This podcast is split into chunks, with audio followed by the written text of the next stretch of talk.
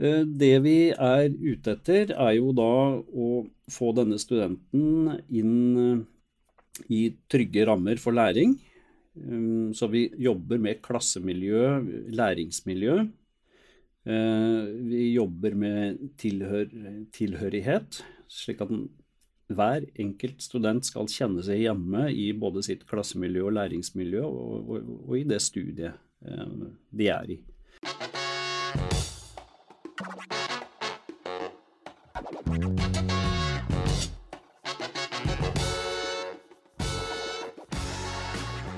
Velkommen til denne Innsikt-podkasten, som eh, skal fungere som en pedagogisk verktøykasse for undervisere i høyere utdanning. Denne episoden tar for seg elev-student-problematikk, dvs. Si eh, spørsmål og utfordringer rundt eh, det å gå fra å være elev til å bli student. Og episoden gir deg noen gode tips og verktøy som du kan bruke tidlig i studieløpet, eh, da særlig hos nye kull, eh, for å styrke studentene innafor eh, det studietekniske, det faglige og ikke minst psykososiale.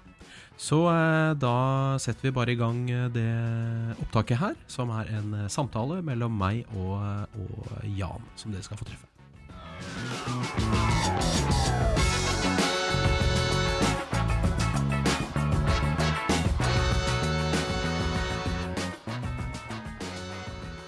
Nå har jeg med meg eh, deg, eh, Jan Rudi Johansen. Ja. Eh, som er eh, Ja, du driver med så mangt. Eh, og, og, kan ikke du si bare veldig kort om deg selv, og så din inngang til, til denne problematikken? Ja. som sagt, Jan Rudi Johansen, ansatt ved AMEC, altså Fakultet for audiovisuelle medier og kreativ teknologi. Der har jeg da en litt sånn sammensatt stilling hvor jeg da både er prodekanutdanning, og så er pedagogisk rådgiver, og så har jeg en høyskolelektorandel også.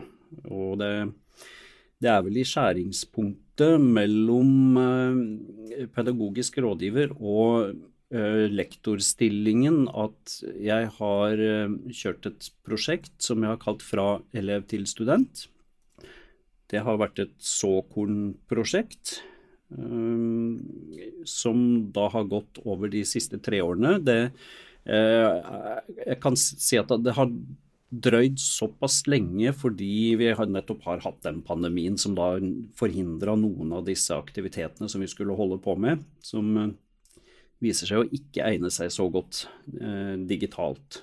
Så da har vi valgt å skyve litt på det.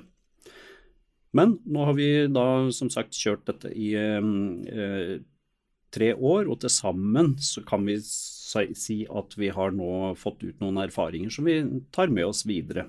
Så det har vært veldig spennende å jobbe med. Jeg kan foreslå at jeg tar opp disse powerpointene som jeg bruker sånn at vi har noe å se på. De som bare lytter vil jo ikke nødvendigvis kunne se de, men det vil gi litt bedre forståelse av innholdet likevel, når vi eh, diskuterer innholdet i disse powerpointene. Så da har, jeg, da har jeg lyst til å ta opp eh, en eh, powerpoint her. Da må jeg først gå inn Det blir jo litt sånn dødtid for, for de som bare lytter, da. Ja. Ja, ja, for da må jeg inn, og så må jeg dele på Zoom her. Sånn. Da skal den være, være delt, ikke sant? Mm. Dette eh, såkornprosjektet, det mm, har da jeg holdt eh, tak i, men jeg har hatt med meg noen kolleger eh, fra, fra AMEC. Og Såkornprosjekt det er noe vi har på Høgskolen Innlandet ikke sant? for å sette i gang små, eh, små prosjekter eh, som driver med pedagogisk utviklingsarbeid og, og lignende. Mm. Som dere, dere har vel holdt på to år? Kanskje dere er på tredje nå med en ny vri, men dette her er noe som har, dere holdt på med i to til tre år nå, ikke sant? Mm. Ja. Det er det. Mm. Um, skal jeg si litt om utfordringen rundt, um, rundt akkurat det å samles som fagmiljø rundt sånn, et sånt prosjekt? Ja. Kan du først si hvordan det sprang ut? For dere er jo fire stykker som har, eh, som har begynt å, å ja, holde på med dette her, da. Ja. Eh, og, så, og så komme inn på som, utfordringene. Ja, det, det kan jeg Mhm. godt, det kan jeg Ja. godt gjøre. Dette sprang ut fra, eh, helt konkret fra eh, TV-skolen eh, da ved Høgskolen i Innlandet. Eh, tidligere, før sammenslåing med Høgskolen i Hedmark, så var det, dette en, et studie ved Høgskolen i Lillehammer. Vi hadde den gang blant eh, høyskolens eh, høyeste gjennomsnittsalder på studentene. Eh, modne og reflekterte og alt det, ja, det man kan forvente av, eh, av, av en litt høyere alder. Etter hvert så um, har dette utvikla seg nå til, uh, til at det i dag er det fakultetet som har den laveste gjennomsnittsalderen ved hele Høgskolen i Innlandet. Så en stor andel av studentene kommer rett fra videregående. Så problematikken er egentlig litt todelt. Det ene er vel det man kan, uh, kanskje kan si uh, handler om utviklingspsykologi. Nå har jeg ikke gravd dypt i, i teoribakgrunn. Vi har, dette er mer et sånn kan du si, et erfaringsbasert prosjekt. Men andre innen utviklingspsykologi vil kunne beskrive det bedre. Altså, hva, hva, hva vil den store forskjellen på modenheten til en 19-åring og en 25-åring være? Og det merker jo vi i praksis, og det kan jeg tenke meg også gjelder veldig mange andre studier innenfor høyskolesektoren i det hele tatt. At man, vil se forskjell på en 19-åring og en 25-åring i, i, i, modenhet, og det, alt det den med, bringer med seg da av selvstendighet og ansvar for egen læring, kritisk tenkning, refleksjon, det med evner til samarbeid, eh, kommunikasjon osv. Så, videre. så dette er, er veldig sammensatt. Eh, vi merka jo da denne forskjellen på disse studentene. Det ble mer og mer synlig etter, etter hvert som dette dreide seg fra, dreide fra år til år til å bli yngre og yngre studenter. Disse studentene som da kom rett fra videregående skoler som elever, de viser seg da å ha det som skulle være generell studiekompetanse. Det viser seg i mange, mange tilfeller å være noe mangelfull kompetansebakgrunn for å kunne anses som en, som en selvgående student. Så, så, disse unge studentene da, som kommer rett fra videregående, de, de trenger, litt, trenger litt starthjelp. Og det disse elevene sjøl, og akkurat da de blir studenter, denne SHoT-undersøkelsen, den viser jo, og studiebarometerundersøkelsen også, viser at de sjøl eh, rapporterer at de har mangler, både eh, faglig forberedende eh, kompetanser til å bli student, og det andre er den, den mer psykososiale delen av det, hvor de mange flytter hjemmefra for første gang når de, når de da går ut av videregående skole. Eh, mange sliter med ensomhet, usikkerhet og ja, alt, alt det som denne SHoT-undersøkelsen da eh, har vist fra 2018. Nå har, ikke, nå har jeg ikke relatert dette opp mot den aller siste undersøkelsen, som ble gjennomført i mars i år, 2022.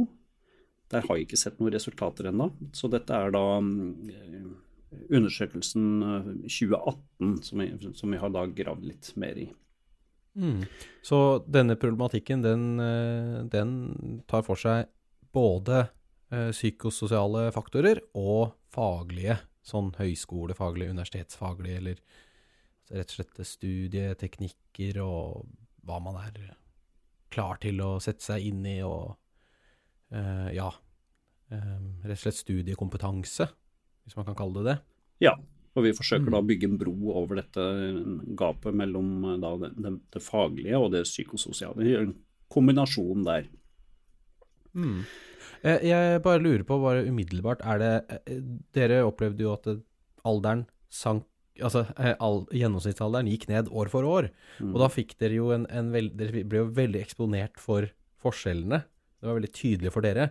Men tror du de som har hatt eh, samme ca. samme gjennomsnittsalder eh, i sine kull, eh, har sett noe av det samme også de siste årene? Ha, det jeg egentlig spør om, er har det blitt verre? Jeg har, jeg har kanskje ikke lyst til å bruke ordet verre, men eh, Jeg, jeg fant ikke noe bedre ord. det, eh, at det har vært, blitt annerledes, det Ja. tror jeg nok eh, vi trygt kan si.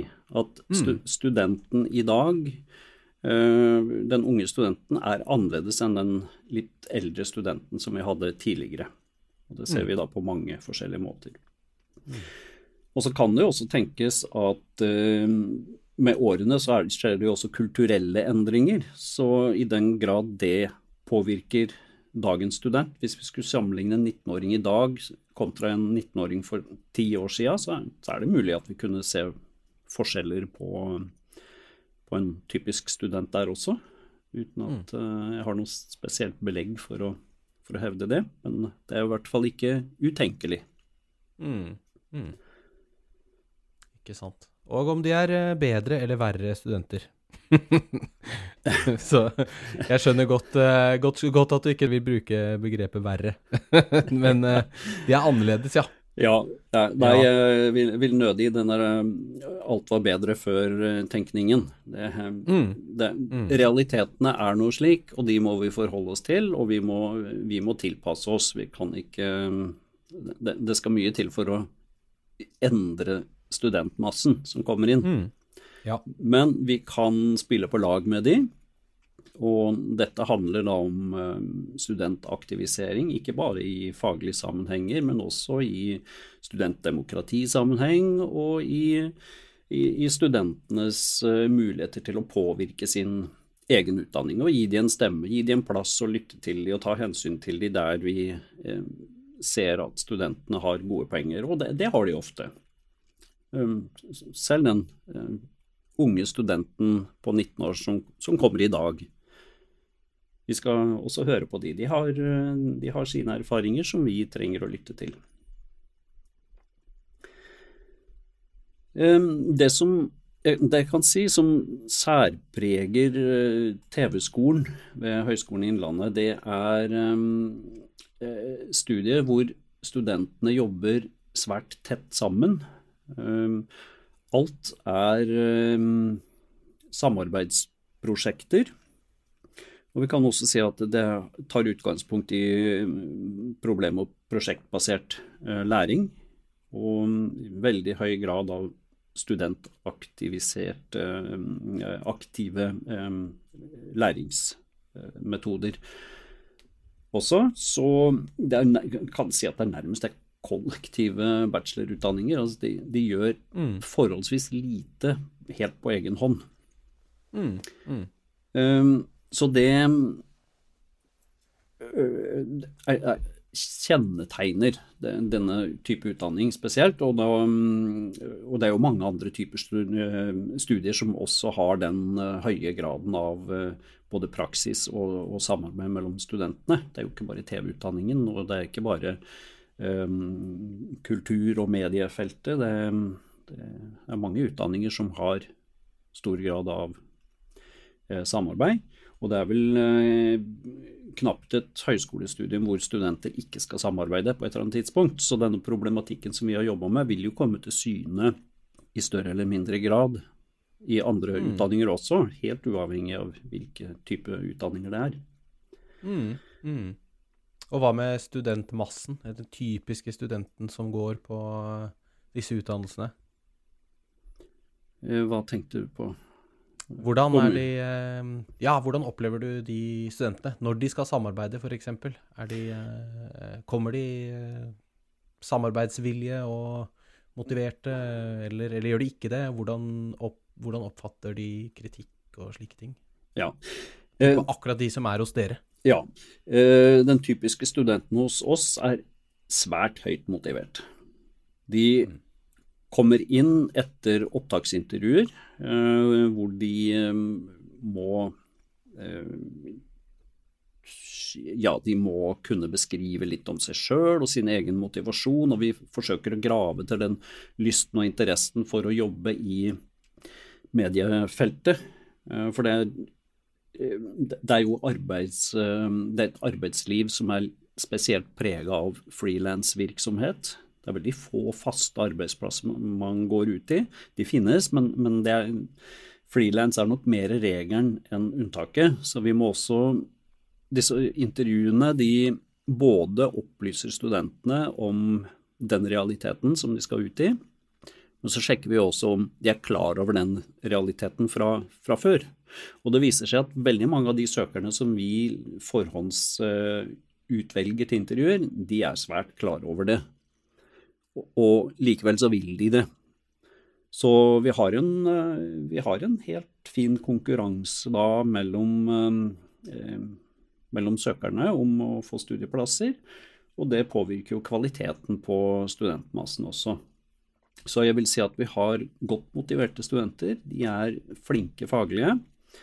Og til det du spør om, om evnen til samarbeid og ta kritikk osv., det, det er vel der vi kanskje ser at kanskje dette med alder påvirker dem, eller kan du si at evnen deres um, til å kommunisere og samarbeide, den er nok kanskje ikke, om jeg skal si det litt enkelt, den er kanskje ikke fullt ut utvikla ennå. Så um, um, unge uh, studenter um, har vel kanskje igjen Nå, nå, nå, må jeg kikke litt, skotte litt bort på utviklingspsykologien.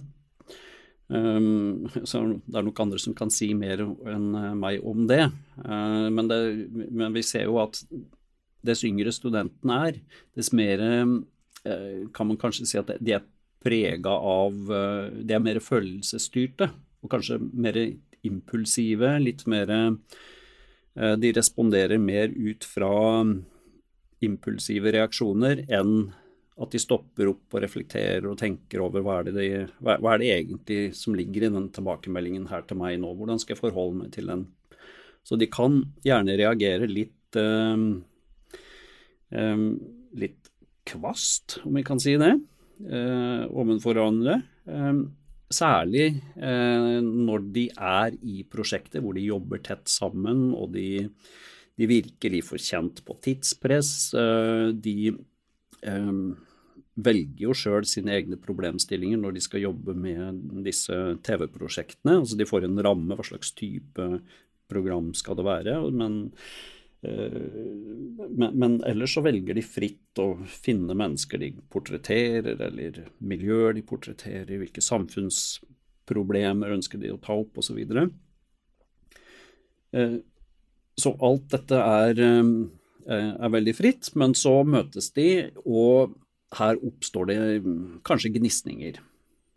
Så har de lange arbeidsdager, opptaksdager, klippedager, så er de slitne. og så kan jo begynne å krangle, og det uven, kan bli uvenner. og eh, Jeg kan ikke si at våre studenter er noe annerledes enn andre, men fordi at de også har denne sterke motivasjonen, så har de stor interesse av å engasjere seg i disse prosjektene sine, så de kan liksom fronte sine interesser og synspunkter ganske sterkt.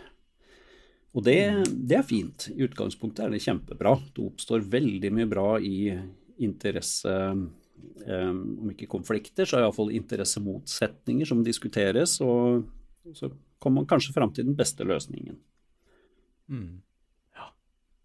Så det, men eh, det, dette her er ting som kommer, kommer, tydeligere frem eh, nå som gjennomsnittsalderen er, er lavere. Eller det er i hvert fall slik oppfatter dere det. Ja, um, ja, vi gjør det. Vi har diskutert uh, dette mye i kollegiet, og vi um, vi er nok ganske enige om det, det, er selvfølgelig sammensatt, og det er komplekst, og det, det er ikke det er, det er, ikke typisk at det er uh, uvennskap, f.eks. Men, mm. men vi, vi, er nok ganske enige om at vi ser at uh, evnen til studentene, når de først havner i sånne litt vanskelige situasjoner, så har de ikke den modenheten til å håndtere det som uh, studentene tidligere hadde.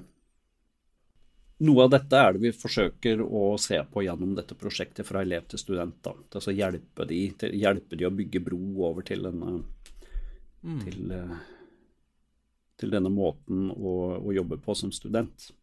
Mm. Ja, du nevnte jo, eh, du nevnte jo kommunikasjonsferdigheter eh, innledningsvis, og så forteller du jo her om én av kanskje flere sånne problematiske eller utfordringer ved ved denne elevstudenttransformasjonen. Mm -hmm. jeg vet ikke om du har eh, liksom, noe, noe, klart uh, som du vil gå gjennom først, men jeg, jeg er nysgjerrig på andre, uh, andre uh, problematiske sider, eller sider som byr på utfordringer, da, som dere har funnet. Jeg håper vi kan komme innom de. Sånn, litt sånn typiske elev-student-problemer, da. Ja. Du har kanskje noen i, i ermet? Det har jeg nok. Eh, det kommer tydelig fram når vi nå sitter og snakker sammen, og så kan vi bla gjennom disse powerpointene som jeg bruker. Mm. Og så kan vi snakke mer konkret om eh, både problemene og hva vi gjør for å jobbe med, med det. Mm. Eh, det vi er ute etter, er jo da å få denne studenten inn i trygge rammer for læring. Um, så vi jobber med klassemiljø, læringsmiljø. Uh, vi jobber med tilhør, tilhørighet, slik at hver enkelt student skal kjenne seg hjemme i både sitt klassemiljø og læringsmiljø, og, og, og i det studiet de er i. Og da jobber vi med litt ulike teknikker rundt det. Og dette gjør vi da for, også for å holde motivasjonen deres oppe når de å Når de er trygge og kan få lov å fokusere på faget sitt og, og bruke engasjementet sitt, så, så, håper vi også at det kan holde motivasjonen deres oppe tvers gjennom studiet. Mm. Og en, det vi, vi, hevder, at en trygg student som trives, gjennomfører også sitt studium. Ja, ikke sant. Mm. Nå er ikke dette noe unikt eh, prosjekt som vi holder på med. Det er veldig mange mm, som jobber med problematikk eh, som går på overgangen fra elev til student. Og da har vi jo dette her eh, f.eks. dette First Year Experience. Um, jeg vet ikke om man skal kalle det et prosjekt, eller hva man skal kalle det, men, men det er jo et felles europeisk område man jobber på for å finne ut hva, hvilke pedagogiske grep og hvilke eh, rammebetingelser må man jobbe med for at studenter da ikke faller fra i løpet av studiet. Og man, man, det kalles first year experience fordi at det er typisk det første studieåret at studentene faller fra. Ja, ikke sant. Det er vel en ganske bratt, eh, bratt kurve der. Så mm. mange første årene, også, eller første året. Også, ja. Eh, mm. Mm. Og her eh, Det ser jo ikke en eh, lytter, men her har jeg da en liten peker til en artikkel i Uniped som, som sier noe om hvordan skaper vi gode, gode betingelser for læring. Mm. Ved Høgskolen i Innlandet så er det også gjort et en utviklingsprosjekt med, av Randi Hohjem Røthe og Tove Rislov tidligere, som som heter 'Utvikling av læringsmiljø med fokus på relasjonsbygging'. Og det er jo også det vi holder på med. Vi mm. holder på med relasjonsbygging. Så vårt prosjekt feier seg egentlig bare inn i en slags sånn portefølje over eh, det mange holder på med. Men det vi kan si særpreger dette prosjektet her, da, det er at uh, mange av disse prosjektene som vi ser rundt omkring, det er uh, integreringsprogrammer som, som, som er mer introduksjonsprogrammer. Mens dette vi holder på med, det går over lengre tid. Vi bruker hele første studieåret og vender tilbake og vender tilbake med jevne mellomrom. Og gir de faglige drypp og, og sjekker ut status på de. Så vi følger studentene veldig tett opp. Ja, nettopp. Så de, eh, dere følger dem tett opp, og de opp igjennom eh, den graden, så følger de også hverandre tett? Ja, Mm. det er riktig. er riktig. Ja. De, de, det er ikke så mye valgfag eller, eh, eller studieprogrammer på, på tvers, f.eks. Nei, det er det ikke. Mm. Og um, vi har også i svært liten grad utveksling. Det må, må også sies et, et spesielt her at det, um, de jobber tett sammen alle disse tre årene. Bortsett fra den perioden hvor de er ute i praksis. Ute i arbeidslivet med det relevante arbeidslivet. Mm. Vi, eh, disse, siden de jobber så veldig tett sammen, så blir hverandres læringsprosesser også veldig synlig for hverandre som studenter. I tillegg så jobber de også så tett og ofte litt frakobla fra fagstaben, fordi de, studentene skal være aktive på egen hånd, og da blir de også hverandres veiledere Mm. typisk, eh, typisk en uformell veileder for hverandre. Så vi jobber også med den problematikken og ser på hva er det som er spesielt med det, og hvordan kan de, kan de uh, sjøl jobbe med det. Noe annet vi har som er spesielt for TV-fagene, er at vi har um, underveisevalueringer av prosjektene de jobber med. Altså Prosjektene er eksamen også. Og underveis så, så har vi eh, Ser vi på TV-programmene sammen i fellesskap. Og, som, og det kalles screening eh, underveis. Som eh, det, det vi gjør underveis. Og så er sluttevalueringene er også gjerne plenumsevalueringer, hvor, eh, hvor eh, studentene, de gruppene som har jobba sammen, viser sine filmer, sine prosjekter.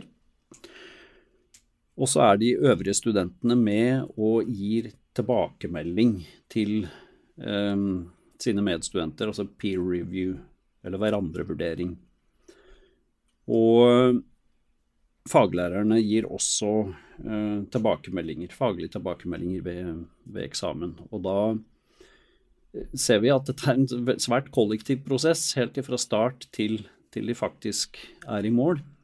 Mm. Og det, det er litt spesielt som, eh, som bachelorstudent, altså førsteårsstudent, få høre kritikk av ditt og deres gruppes eh, eh, prosjekt, både prosessen av prosjektet og, og, og sluttresultatet av prosjektet, og høre faglige tilbakemeldinger på det i plenum.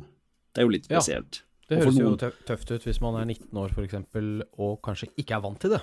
Ja, Mm. det er det.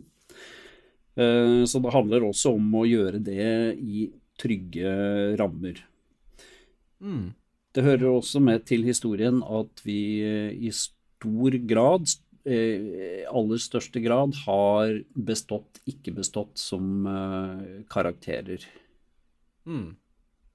Og det er flere grunner til det, eh, men vi har interne diskusjoner om hvor grensen for det skal gå, og hvilke, hvilke fag det skal gjelde og ikke gjelde.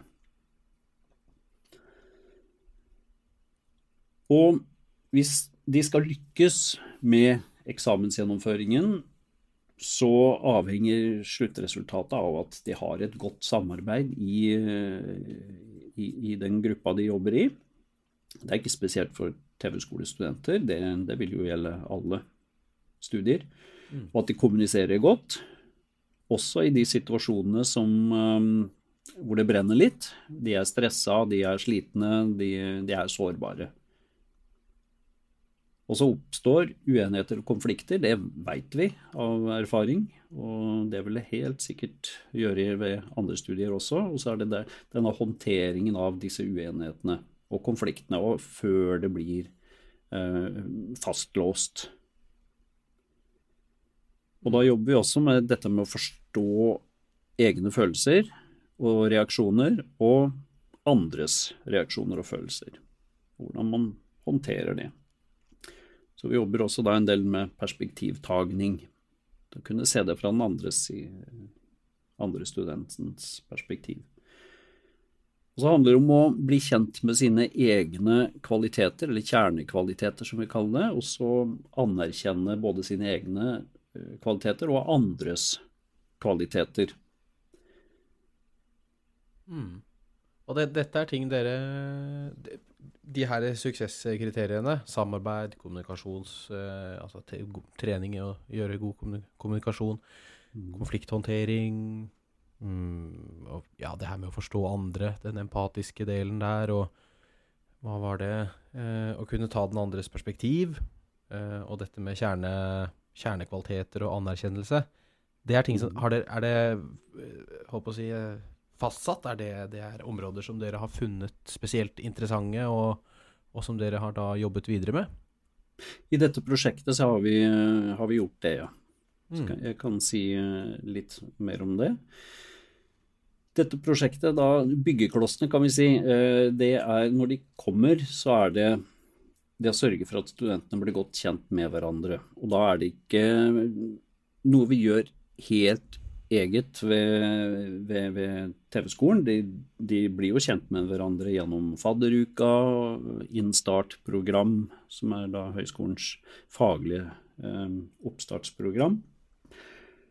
Men når studentene møtes, så sørger vi også å legge til rette for at de, de kan bli kjent med hverandre. Og ulike eh, studieretninger de bruker litt forskjellige måter å bli kjent med hverandre på. Og det Der eh, finnes det en rekke øvelser man kan holde på med for, eh, som, som blir kjent med hverandre-øvelser. Sånn icebreaker-øvelser osv. Så, videre.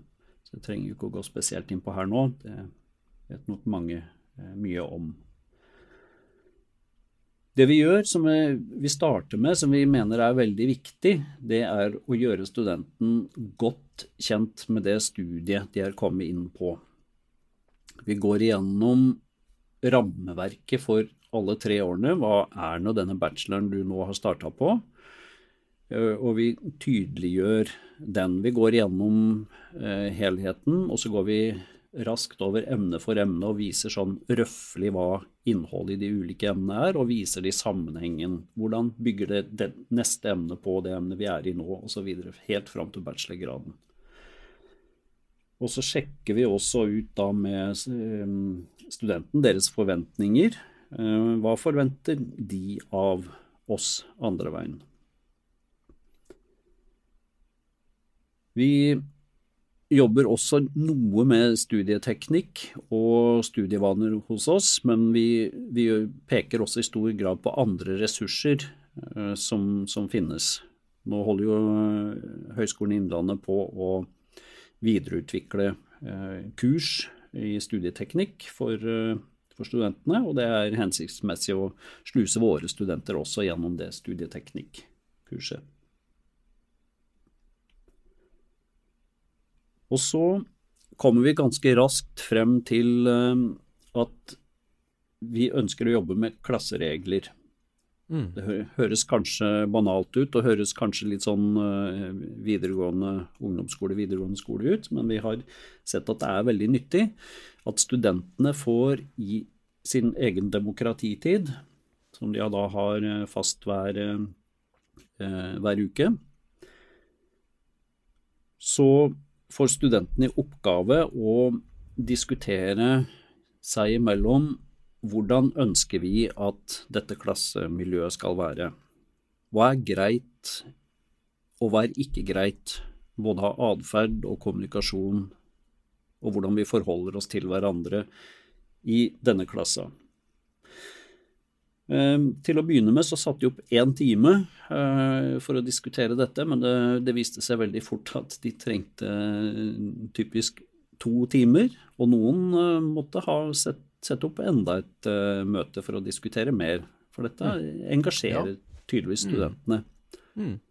De har virkelig sterke synspunkter på hvordan de ønsker at det skal være i sin klasse i løpet av disse tre årene. Mm, mm. Og så da ja. Kan, kan, jeg bare spørre med de, de du nevnte i stad, de andre byggeklossene. Bli kjent med hverandre, bli kjent med studiet og studieteknikk og studievaner. De tre der. Mm. Eh, kan du bare fort si omtrent hvor mye tid eh, dere liker å bruke på det? Det De tre byggeklossene der til sammen ønsker vi skal være unnagjort så fort som mulig, eller så tidlig som mulig er vel rettere å si, i studier, slik at de kommer inn i gode vaner og blir kjent med hvordan man skal studere, og hva som er forskjellen på å være elev på, på videregående og det å ta ansvar for egen læring og, og studere. Så i løpet Ja, vi sier kanskje de to uh, I løpet av de to første ukene så bør mm. dette være unnagjort. Ja, ikke sant. Og um, det her med å sette av uh, nok tid til det og sånn uh, er det noe man kan ta Altså bli kjent med hverandre kan man vel eh, spre litt utover, til og med inn i det faglige. Men uh, å bli kjent med studiet og disse teknikk og studievaner og sånn, det er vel noe som typisk du kanskje må opp og, og fortelle litt om, og, og, konkret liksom undervise i. Ja. Uh, ja. Mm.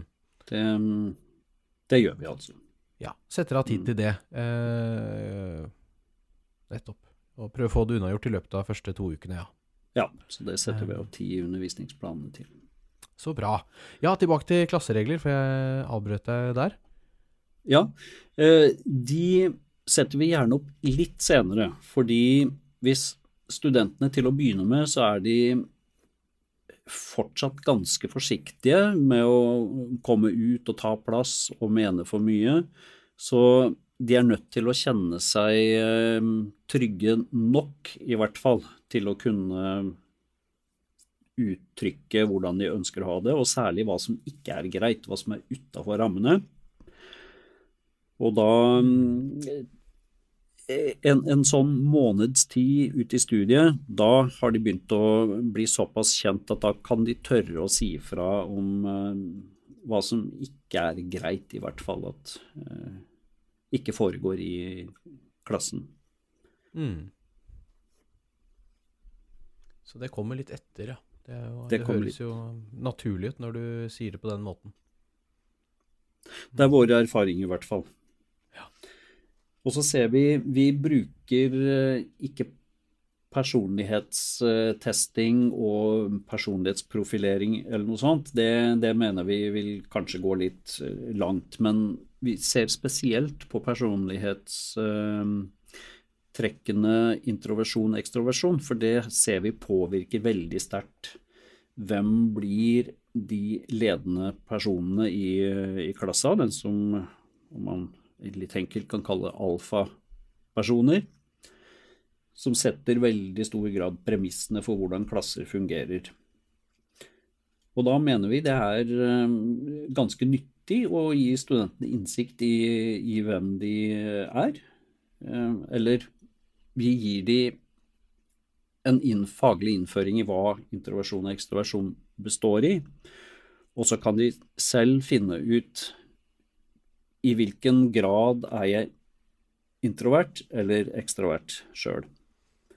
De fleste er jo en eh, blanding. Litt introvert eller, eh eller litt ekstroverte. Mm.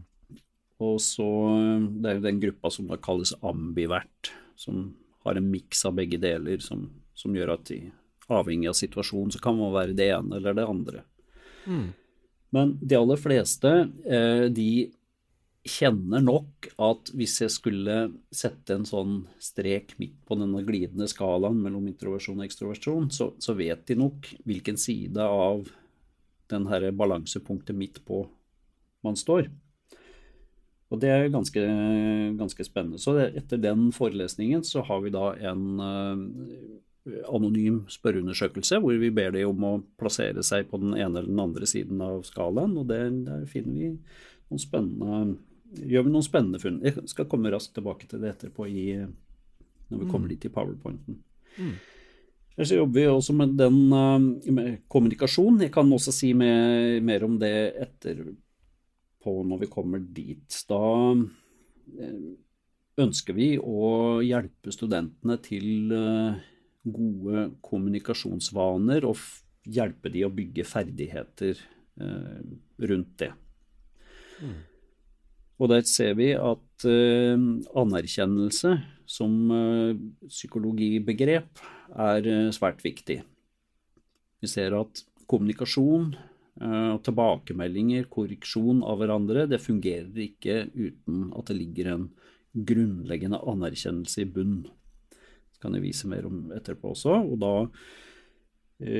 Nå nevner jeg bare raskt disse byggeklossene før vi går tilbake mer i detalj. Mm.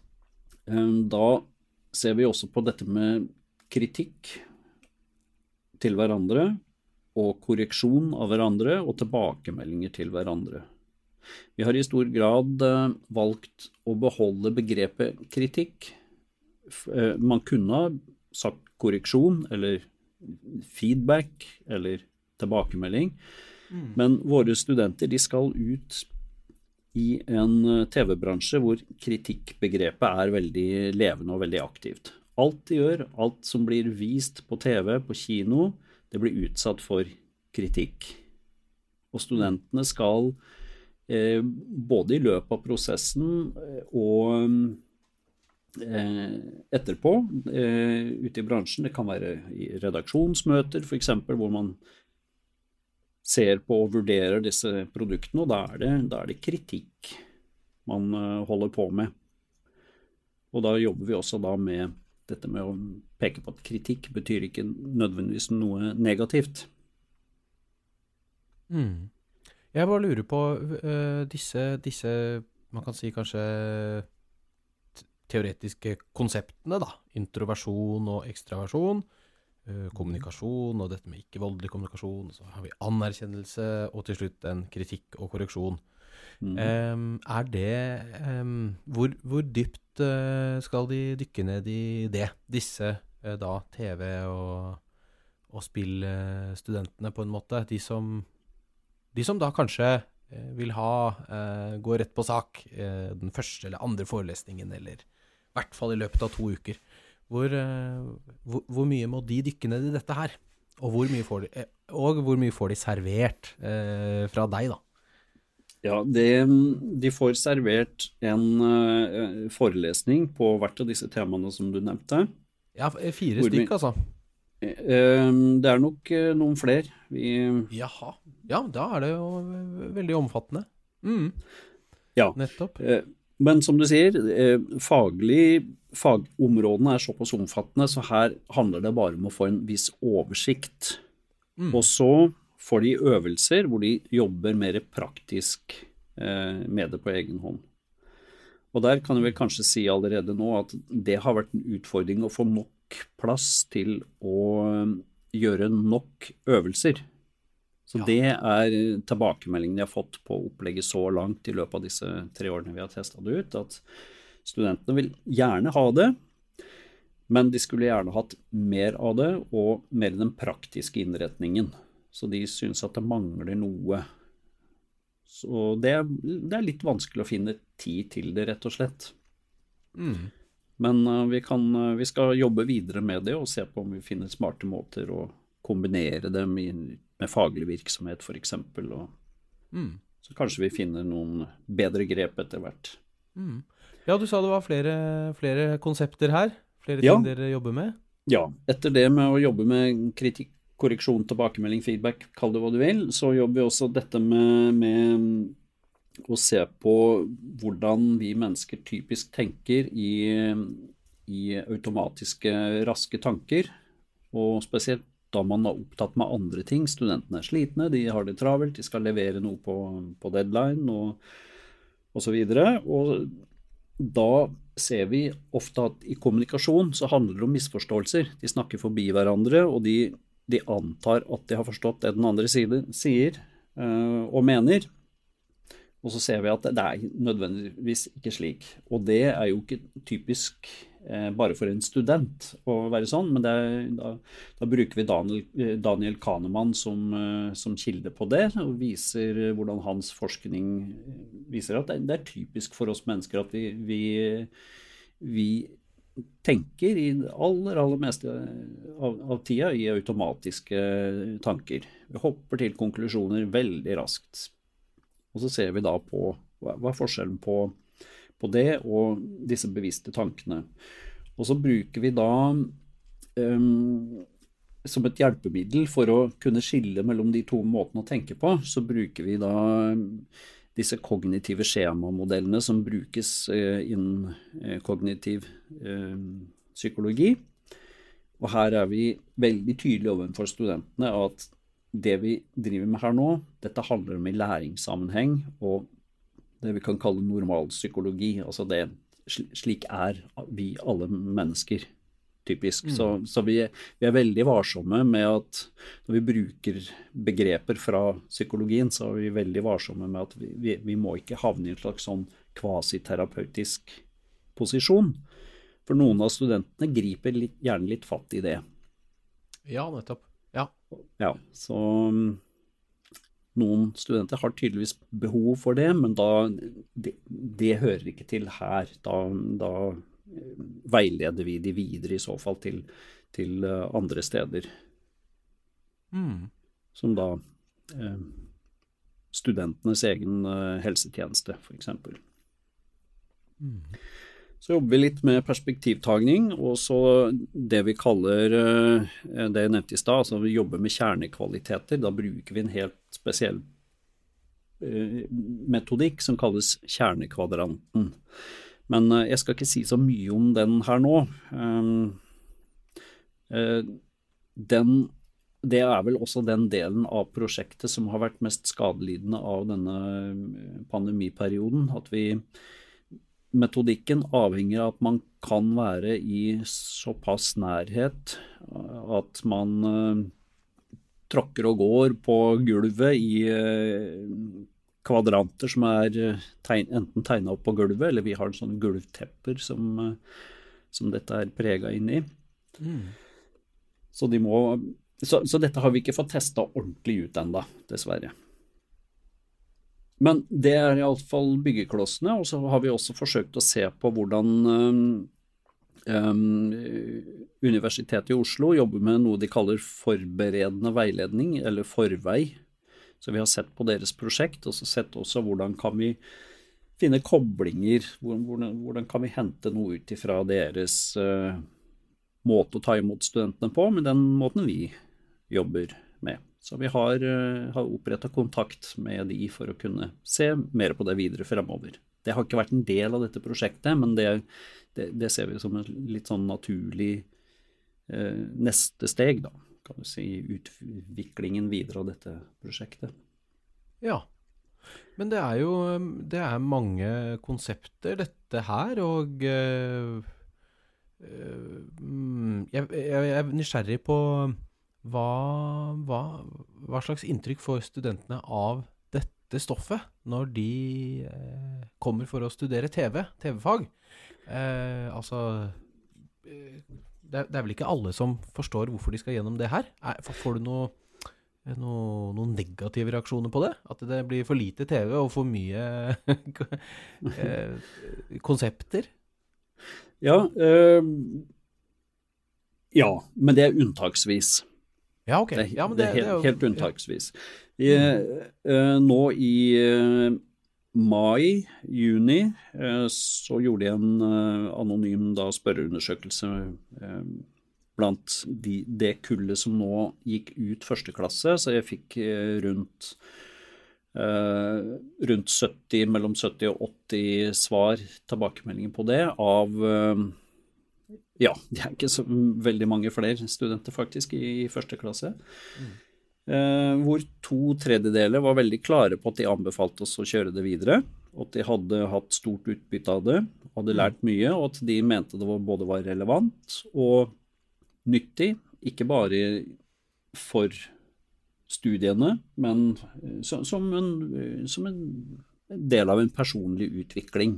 Mm. Et rett og slett dannelsesaspekt. Ja, Mm. i stor grad. En tredjedel av de som svarte, var sånn eh, midt på treet. De, det var sånn verken eh, eh, ja eller nei. Mens en 3-4% mente det ikke var relevant og ønska ikke at det skulle videreføres. Sånn to tredjedel var tydelige på at de, de ønska at dette skulle være en del av utdanningen. Mm. Ikke sant. Så det er den kvantitative delen av det, og den, den kvalitative delen så har jo eksempler, mange eksempler på studenter som ikke vil forlate forelesningen eh, etterpå. De vil fortsette å diskutere med, med meg, så de, de bruk, bruker tid i etterkant og vil, de vil vite mer, og de har noe på hjertet som de gjerne vil, eh, eh, vil at jeg skal lytte til. og og også kommentarer. Jeg har fått e-poster fra studenter etterpå som takker så mye og sa at dette her hadde jeg aldri forventa å møte i en sånn type utdanning, men dette er, dette er helt strålende. Dette er helt topp. Mm, mm. Jeg får litt sånn X-Fac-vibber her. Eh, det er jo ikke det på TV-studiet, så vidt jeg vet. Det er det ikke. Um, nei, er det og, og selv om det er mye man kan si om X-Fac, men eh, utgangspunktet er vel at det skal være eh, i en slags dannelse, og, og X-Fill, ikke minst, Mhm. sånn til eh, det studiet som kommer. Er det mm, Kan du se noen, eh, noen sammenhenger her, eller er det hva, hva tenker du sånn sett? At du mm, At man liksom smetter inn litt dannelse i, Mm. tidlig i, i studieløpet? Ja, absolutt. Eh, Jeg ser det, for dette handler også om den utviklingen av ansvarligheten og, og modenheten til, eh, til eleven for å, for å hjelpe de inn i studentrollen. Eh, Den store forskjellen er vel kanskje at dette her handler mer om personlig utvikling og relasjonsbygging, relasjonskompetanse og emosjonskompetanse, kanskje mer enn en faglig innretning mot kritisk tenkning og, og forståelse av hva akademia og vitenskap eh, er, Mm. som det ellers ville hatt da i X-Fill X-Fac. Ja. Så, så noen likheter og noen forskjeller. Mm. Eh, ja, da kan jeg Skal jeg hoppe over til den neste powerpoint, kanskje? For nå har jeg sagt eh, ganske mye om eh, rammene rundt det. Eh, da kan jeg gå litt mer konkret inn på, på hva vi gjør. Mm. Skal vi se, da må jeg så finne deleknappen igjen. Da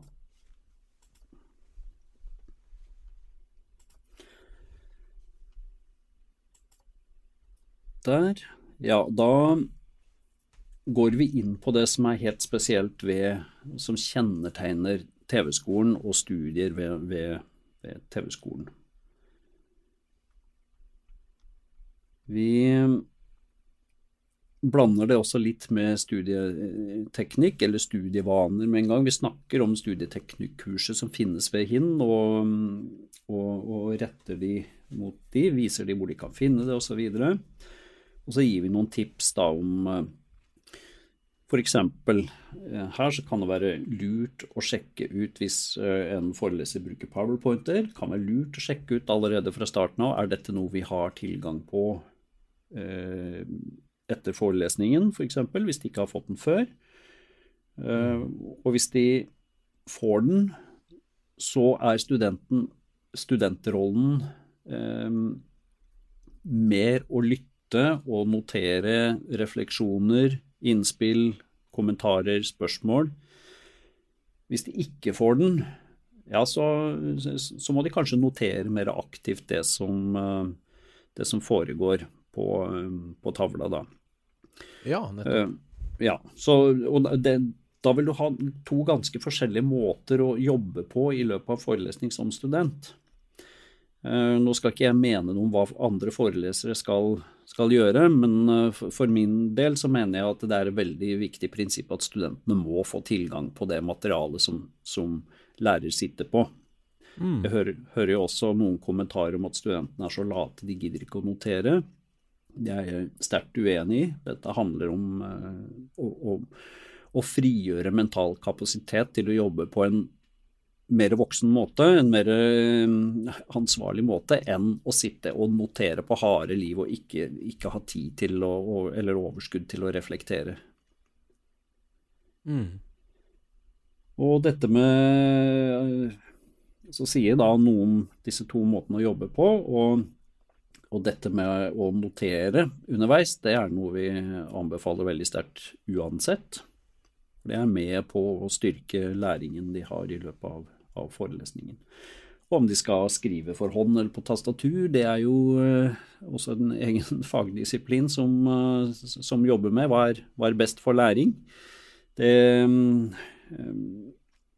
har vi jo sett litt på, men vi har ikke noen sterke formeninger om at vi skal anbefale studentene å notere for hånd eller, eller på tastatur. Det viktigste er at de noterer, Mm. Mm. og så har vi sett da på, litt grann på um, denne klassiske Ebbinghaus-glemselskurven. Uh, nå vet jeg at den også ikke nødvendigvis uh, står så sterkt vitenskapelig, men prinsippet er i alle fall at uh, vi glemmer det meste av det vi hører Ja. etter ganske kort tid. Så her er det snakk om å jobbe med stoffet og repetere. 40 etter ni timer eh, peker du på her.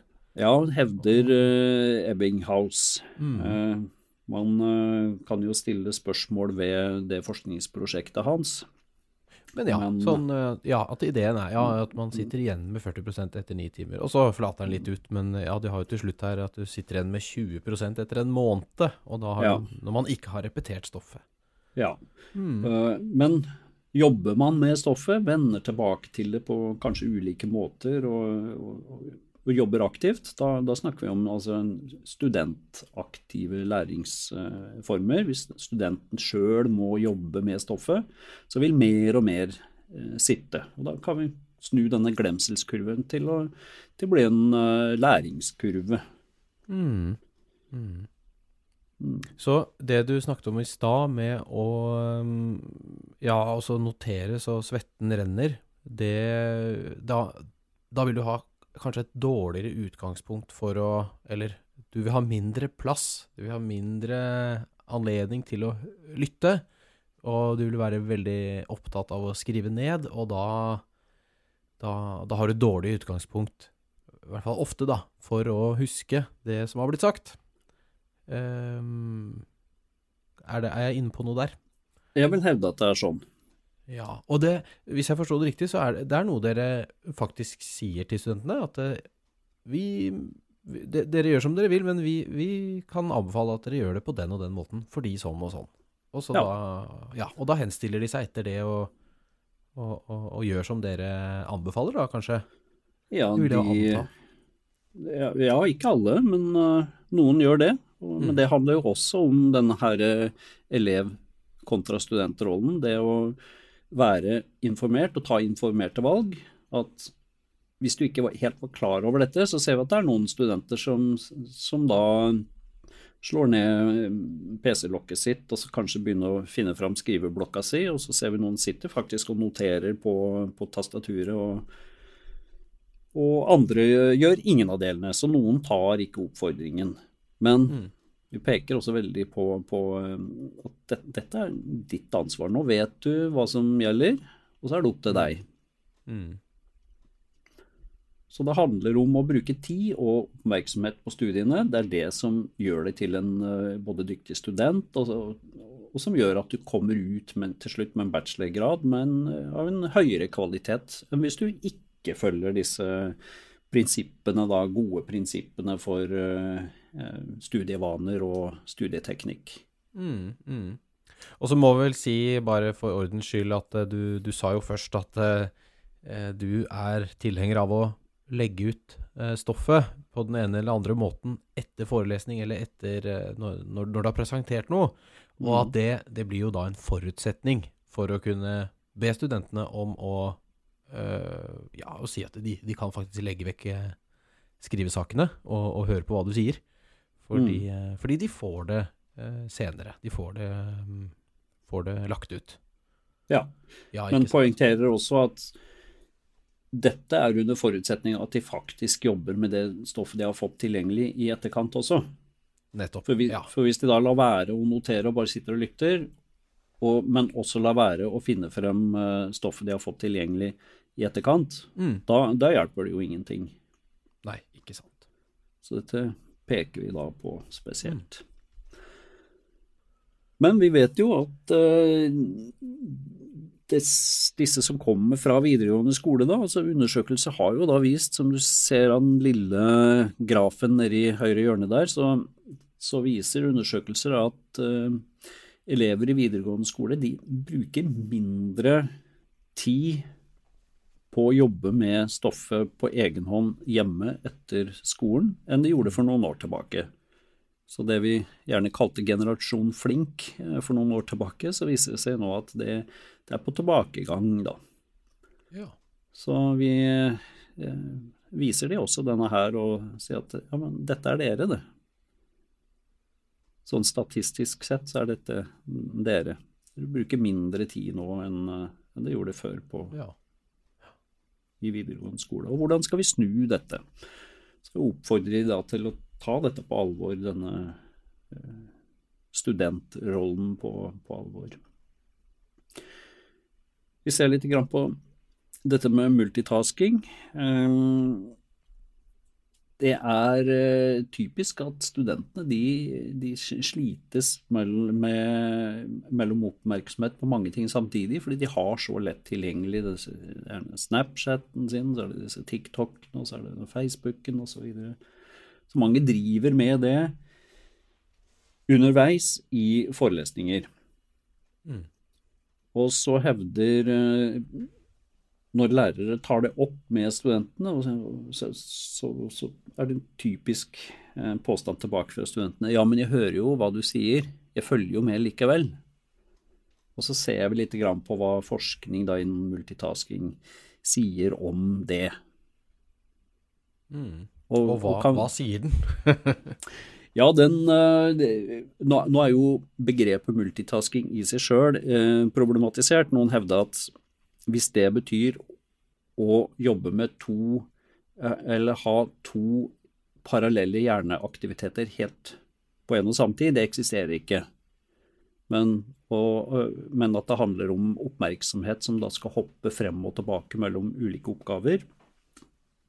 Så, men om man kaller det ene eller det andre, det, det, er ikke så nøye. Men iallfall dette med delt oppmerksomhet, det viser jo forskningen her at eh, for de aller fleste så er det en dårlig strategi. For noen er det en eh, strategi som gjør at de greier å holde eh, oppmerksomheten oppe likevel, fordi at de ikke Tankene ikke driver. Og at man på en måte forsvinner litt ut i sin egen, egen verden. Så kan man kanskje si at det også er en form for multitasking.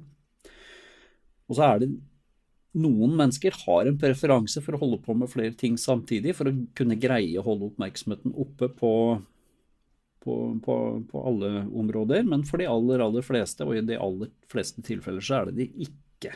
Da presterer man dårligere på det som skal være hovedgjøremålet og hovedfokuset.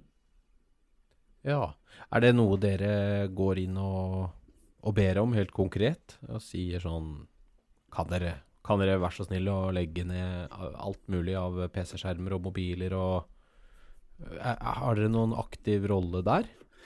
Nei, Der eh, vet jeg at praksis er litt ulik. Noen forelesere gir tydelig beskjed om at eh, dere følger med her, dere legger vekk alt annet som stjeler, kan stjele oppmerksomheten. Mens eh, andre ønsker ikke å blande seg bort i det hele tatt.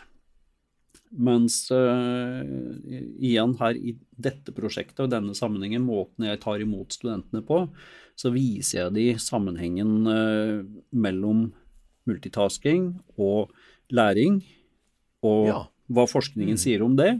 Og så kan jeg igjen gjøre et, et eget valg basert mm. på et, et informert valg. Ja, og det, det, den, det tipset her, eller det, denne informasjonen, det, det inngår f.eks. I, i den forelesningen du, hvor du tar opp eh, studieteknikk, da, vil jeg anta. Ja. ja. Ikke sant. Eh, så Dette, ganske tidlig eh, Første ganske, uke. Første uke, ja. Mm. Mm. ja.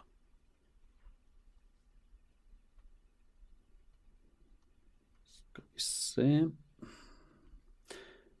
og så viser de også lite grann eh, om hva funn fra både studiebarometerundersøkelsen, SHoT-undersøkelsen og en eh, fra eh, Skal vi se, hva den, denne her heter for noe? Er det en stortingsmelding?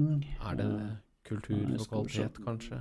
Ja, kan, ja, jeg lurer på om det er henta fra den som viser, peker også på, på denne problematikken fra, fra, elev til student.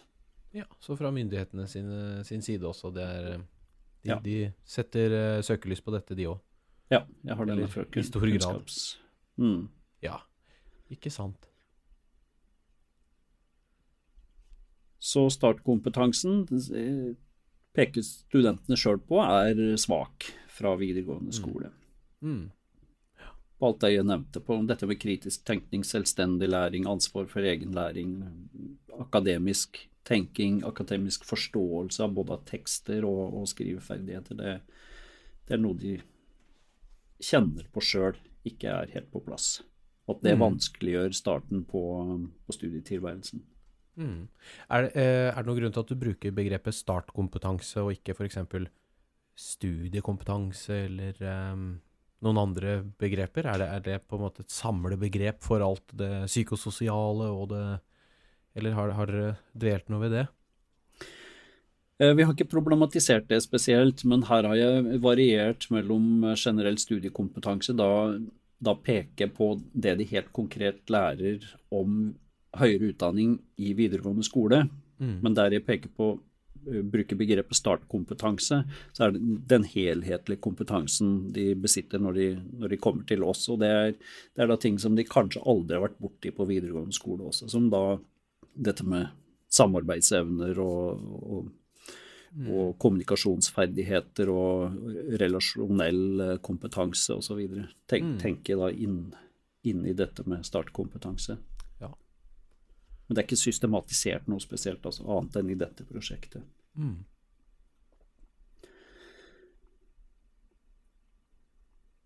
Um, skal vi se Viser også til at dette er kanskje første gang i deres liv at de har gjort et helt selvstendig valg av uh, utdanning og utdanningsretning.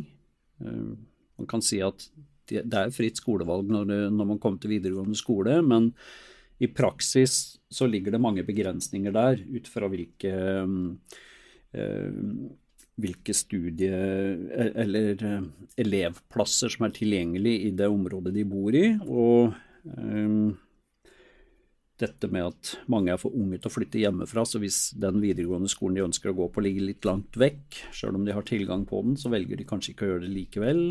Det er kanskje mer påvirka av foreldre enn enn egne valg osv. Så, videre. så Så vi peker da på at dette er også en del av studentrollen. Dette at nå har du tatt et selvstendig voksent valg. Nå flytter du kanskje til en annen kant av landet. Du mm. kjenner ingen mennesker her, du må bygge nettverk. Så, så det er mye det, det, ligger mye myndiggjøring i det å bli en student. Ja, ikke sant. Mm, så så vi lærer i og for seg ikke noe om dette, men, men vi peker på det at sånn kan det være, dette kan være noe for deg å reflektere over. Mm. Ja, og det vil jo vel gi dere stor gevinst i form av gjennomføring og, og trivsel og sånne ting. Mm. Eh, dersom de reflekterer rundt det. Ja, um, og det er jo ikke sånn at de har sånne aha Hver eneste student har en aha-opplevelse i forbindelse med disse forelesningene, men det er jo en del av det, disse dryppene som må komme. Og vi, vi ser jo at det er mange studenter som, eh, som, som, går gjennom en hel eh, bachelor hos oss og oppfører seg i praksis som en elev hele veien. Og da peker vi hele tida tilbake til ja, men husk nå at dette har vi snakket om. Dette var temaet den gang. Husker du vi snakker om dette med ansvar? Ja. Student, studentrollen er annerledes enn elevrollen, osv. Så, så vi holder på Ja, så vi, så vi bare må fortsette å insistere på at de har ansvaret. øh, og de fleste av studentene tar ansvaret til slutt. Ja. Noen, noen er dyktige og, og kommer inn som, øh, som øh, fullbefarne studenter og er klar for den rollen allerede fra dag én, mens noen tar den ikke i det hele tatt i løpet av de tre årene, men de, de fleste tar den på et eller annet tidspunkt i løpet av studietida. Så det, det er en jobb vi må gjøre. Det er bare å holde på tålmodig og vennlig, bare insistere på at ansvaret er ditt, og så tar de gjerne det ansvaret til slutt. Mm, ikke sant. Hva Du, har, du, du antyder jo en, en ganske stor grad av eh, kontinuitet. eh, hvor du, du selv har eh, mye altså, du følger dem tett i, i tre år. Eh, hva, hva, hva kan du Hva kan du si til de som eh, har litt sånn fragmenterte eh, studieløp? Altså er det ulike emneansvarlige og vikarer og, og sånne ting? Har dere, har dere tenkt noe på det? Når, eh, ja, når det blir litt mer oppstykket, og det er vanskelig å følge, følge dem og peke tilbake på disse tingene. Ja, det er jo der, er du inne ved det som kan være en utfordring ved et sånt prosjekt som går over tid. Når det ikke er samla i ett emne og i starten hvor én eh, emneansvarlig har ansvaret for å gjennomføre det, så, så er det også litt eh, krevende å få til den kontinuiteten. Um, og det er ikke alle lærere som er særlig opptatt av problematikken. Noen uh, sier at uh, ja, studentenes ansvar får være deres ansvar, og det skal ikke vi blande oss bort i. Uh, Så noen mener nok at eh, jeg holder på litt for mye og litt for tett. Um, mens, eh, mens andre er også veldig interessert, så de jobber med denne problematikken på sin måte også gjerne. Mm. Og det, det er jo fint. Mm. Men vi har ikke en sånn spesielt system for å kunne holde på med dette kontinuerlig gjennom tre år. Hovedfokuset er i løpet av første år, hvor Ja. da faren for frafall er størst. Men eh, til, eh, til de som gikk ut nå i vår, så, så holdt de også tak i disse tredjeklassingene der. Og de, eh, de var godt fornøyd med å, å få den oppfølgingen også helt, helt til slutt. Ja, ok, så du, du sier at det, det, det blir eh, det, det gir resultater også, eh, og, og gode resultater også, det å ha stor vekt på dette eh, første semester. Ja, jeg mener at det er det viktigste tidspunktet i hvert fall å, å ha det på. Ja. Uh, og i den grad det er mulig, så mener jeg det, det bør være noe som strekker seg litt over tid. For det, det, det tar tid å modnes fra å bli elev til en student. Det holder kanskje ikke bare med en, eh, en rask innføring i studieteknikk i, i, i løpet av den første måneden, og så forvente at det skal komme av seg sjøl underveis. Så um, eh, ja, du tenker å spre dette litt utover eh, semesteret, og kanskje også lenger enn det, hvis, eh, hvis det er behov. Vi har god erfaring med det. Mm. Men Så Men jeg forstår at ressurser er en, kan være et problem. Både tidsressurser og, og økonomiske ressurser, det å sette av nok tid til å kunne jobbe med det. Mm. Ja, det er nok noen som, noen som føler på det. Ja, helt sikkert. Så vi peker på, poengterer dette med at læringen er deres ansvar. Vi, vi kan bare undervise de, vi kan bare veilede de, og vi kan bare gjøre tilrettelegginger av alle mulige slag for at de skal lære. Men selve læringen er det hver og en som må ta ansvar for. Mm. Så peker vi det videre til de ressursene som da finnes, ikke nødvendigvis bare på, på HIN, men det finnes mange eh, gode blogger, studentblogger, også ved andre høyskoler som de kan gå og se. Og det finnes eh, lærebøker i studieteknikk, og det finnes kurs som man, man kan ta, både ved HIN og, og andre steder.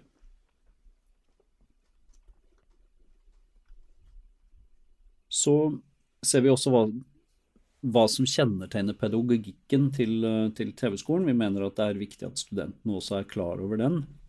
For den kan være litt ukjent for dem når de kommer fra videregående skole. De er vant til at det er undervisningsplaner som er fylt opp. Det er en lærer som styrer aktivitetene og følger de opp og kontrollerer at de gjør det de skal osv. Så, videre. så vi viser da til dette med at vi har praktisk-teoretiske studier, altså stor grad av studentaktivitet og praktisk arbeid og erfaringslæring og prosjekt og problembasert læring. Vi ser på hvordan dette både grenser opp mot kunstfaglig eh, høyere utdanning og dette med yrkesfaglige utdanningstradisjoner. Ja. Og så kikker vi på hva, hva betyr nå det, og at noe er erfaringsbasert. Så da drar vi jo fram gode, gamle eh, John Dewey da, og viser til at eh, som han, eh, som han snakka om, at det er en sammenheng mellom erfaringene du gjør deg, og den teoridannelsen du bygger på bakgrunn av erfaringene dine. Forutsatt at du reflekterer over, uh, over din handling og din praksis og din erfaring. Mm. Så det ikke Det er ikke nok å bare gjøre, men, er, men, men det er viktig å, uh, å, å reflektere. Og hvor, å forsøke å sette ord på taus kunnskap, så der bruker vi Polanys eh, eh filosofiske tilnærming for for å vise det. Eh, hvordan man jobber med å forsøke å sette ord på handlingene og ord på refleksjonene man gjør seg, og aktualisere det, den tause kunnskapen. Mm. Og viser også da Handal og Løyvås i en norsk kontekst, hvordan de beskriver dette som en praksisteori, eller praktisk yrkesteori. Vi kikker litt også på den begrepet 'den reflekterte praktiker' fra Donald Schøn, og viser hvordan disse fasadeteoriene kan dukke opp hvis man ikke lykkes helt i denne refleksjonsprosessen, og at man på en måte tilpasser kart kartet, eller terrenget til kartet, eller hva man skal si ja. her. At man, eh, mm. man, man, liksom reflekterer. Så det er vi, vi, går inn på dette her for å vise studentene hvorfor vi bruker det, systematisk dette med refleksjonsnotater. Og hver gang de er ute og gjør et prosjekt, som de gjør i stor grad i løpet av studiet, så skal de etterpå beskrive prosessen de skal beskrive prosjektet sitt, de skal beskrive resultatet, men så skal de også gjøre en refleksjon over hva gjorde jeg, hva fungerte, hva fungerte ikke så godt, hva kan jeg gjøre neste gang for å rette opp i det, hvordan ville jeg ha Hvis jeg hadde visst det jeg vet akkurat her og nå, hvilke valg ville jeg ha gjort for å få et annet resultat? Mm. Eller det resultatet jeg ønsker. Og de, de refleksjonsnotatene, er det noe um, retning på, på dem? Noe helt spes spesiell retning så at de går til deg, og at du leser dem og gir tilbakemeldinger, eller deler de dem med hverandre? Hvordan er det? De uh, sendes til evneansvarlige som har det emnet som det prosjektet, konkrete prosjektet er i. Ja. Og så um, Der også har vi egentlig ikke kommet helt i mål med en pedagogisk diskusjon på hvordan skal vi håndtere disse refleksjonsnotatene. Ho Ja, hovedhen... Ja. Ja, nei, jeg, eh, det bare slår meg at eh, det kan være veldig mye nyttig for uh, sidemannen også, da. Uh, og hvis en eh, emneansvarlig presenterer alt, kanskje anonymt, da, eh, Mm. Slik at Eller tar frem de mest interessante refleksjonene, og så fremfører det for, for studentene, da. Ja, så vi, vi gjør litt begge deler. Vi har noen, eh, noen grupperefleksjonsnotater hvor de jobber sammen i gruppen. og Dette deles da med, med de øvrige i, i klassa for å, eh, for å kunne dele kunnskaper rundt det. Mens eh, vi kan samtidig i samme prosjekt ha individuelle refleksjonsnotater, eller at vi bare har individuelle, fordi at de har noe på hjertet som de ønsker å, å dele med oss, men de ønsker ikke at medstudentene skal se det, av ulike årsaker. Så her er det mange måter å bruke dette pedagogisk på, som vi på en måte ikke har landa riktig enda en, en god form på. Vi, vi prøver oss fram med forskjellige varianter. Men hovedhensikten, det er refleksjon. Ikke bare praksis, men refleksjon over praksis.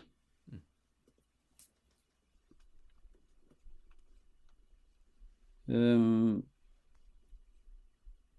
ja, og det i likhet det- Dette er jo eh, ikke spesielt for TV-skolen, men, men dette med studentmedvirkning er jo et viktig, viktig demokratisk um, anliggende i alle utdanninger, høyere, høyere utdanning.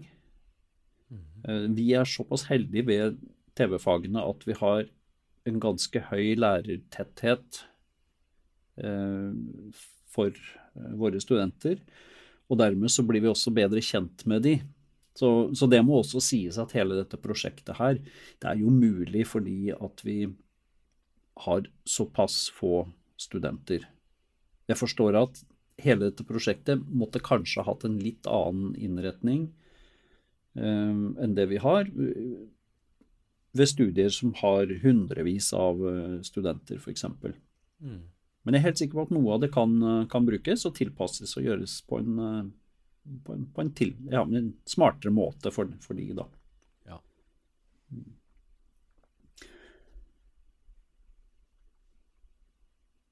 Vi, eh, Litt sånn temaskifte, så ser vi på dette med, med introversjon og ekstroversjon, fordi at studentene jobber så tett sammen at det påvirker dynamikken i læringsmiljøet veldig sterkt.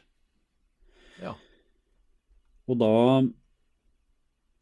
har vi sett litt grann på, på forskningen. Vi viser dem litt hva, hva forskningen sier, og da, da er vi på dette med the big five, eh, eh, Briggs-Myers type indikatorer og Costa-McRae. Eh, eh, og trekker da spesielt fram dette med, med ekstroversjon og introversjon. Og så viser vi eh, disse klassiske, også eh, Susan Kane og Helgo, eh, Laurie Helgo, eh, hvordan de har behandla dette i sin forskning. Vi viser også, skal vi se her, ja, vi viser hvordan dette er fordelt på en sånn skala med sterk introversjon på den ene sida og, og, og sterk ekstroversjon på den andre sida. Sånn som et område midt i her, så er man eh, kanskje like mye begge deler. Så da er man såkalt ambivert. Og så etter denne forelesningen så svarer de da på en, eh, en undersøkelse om de befinner seg på den, mer på den ene siden, siden eller den andre. Jeg skal vise, vise tallet her. Men først ser vi også på hva hva de introvertes uh, kvaliteter og de ekstrovertes kvaliteter. Og jeg blar pent og forsiktig nedover her og viser typiske kvaliteter, og studentene nikker. De fleste kan kjennes igjen i mye av det. Uh, dette med vinnerorientering og konkurranseinstinkt og sånn, som er mer typisk for ekstroverte, det skiller, skiller, seg veldig ut da, fra, uh, mellom de ekstroverte og introverte. Men de trekker også fram disse introverte kvalitetene som, uh, som ikke er så typiske å finne i stillingsannonser, f.eks.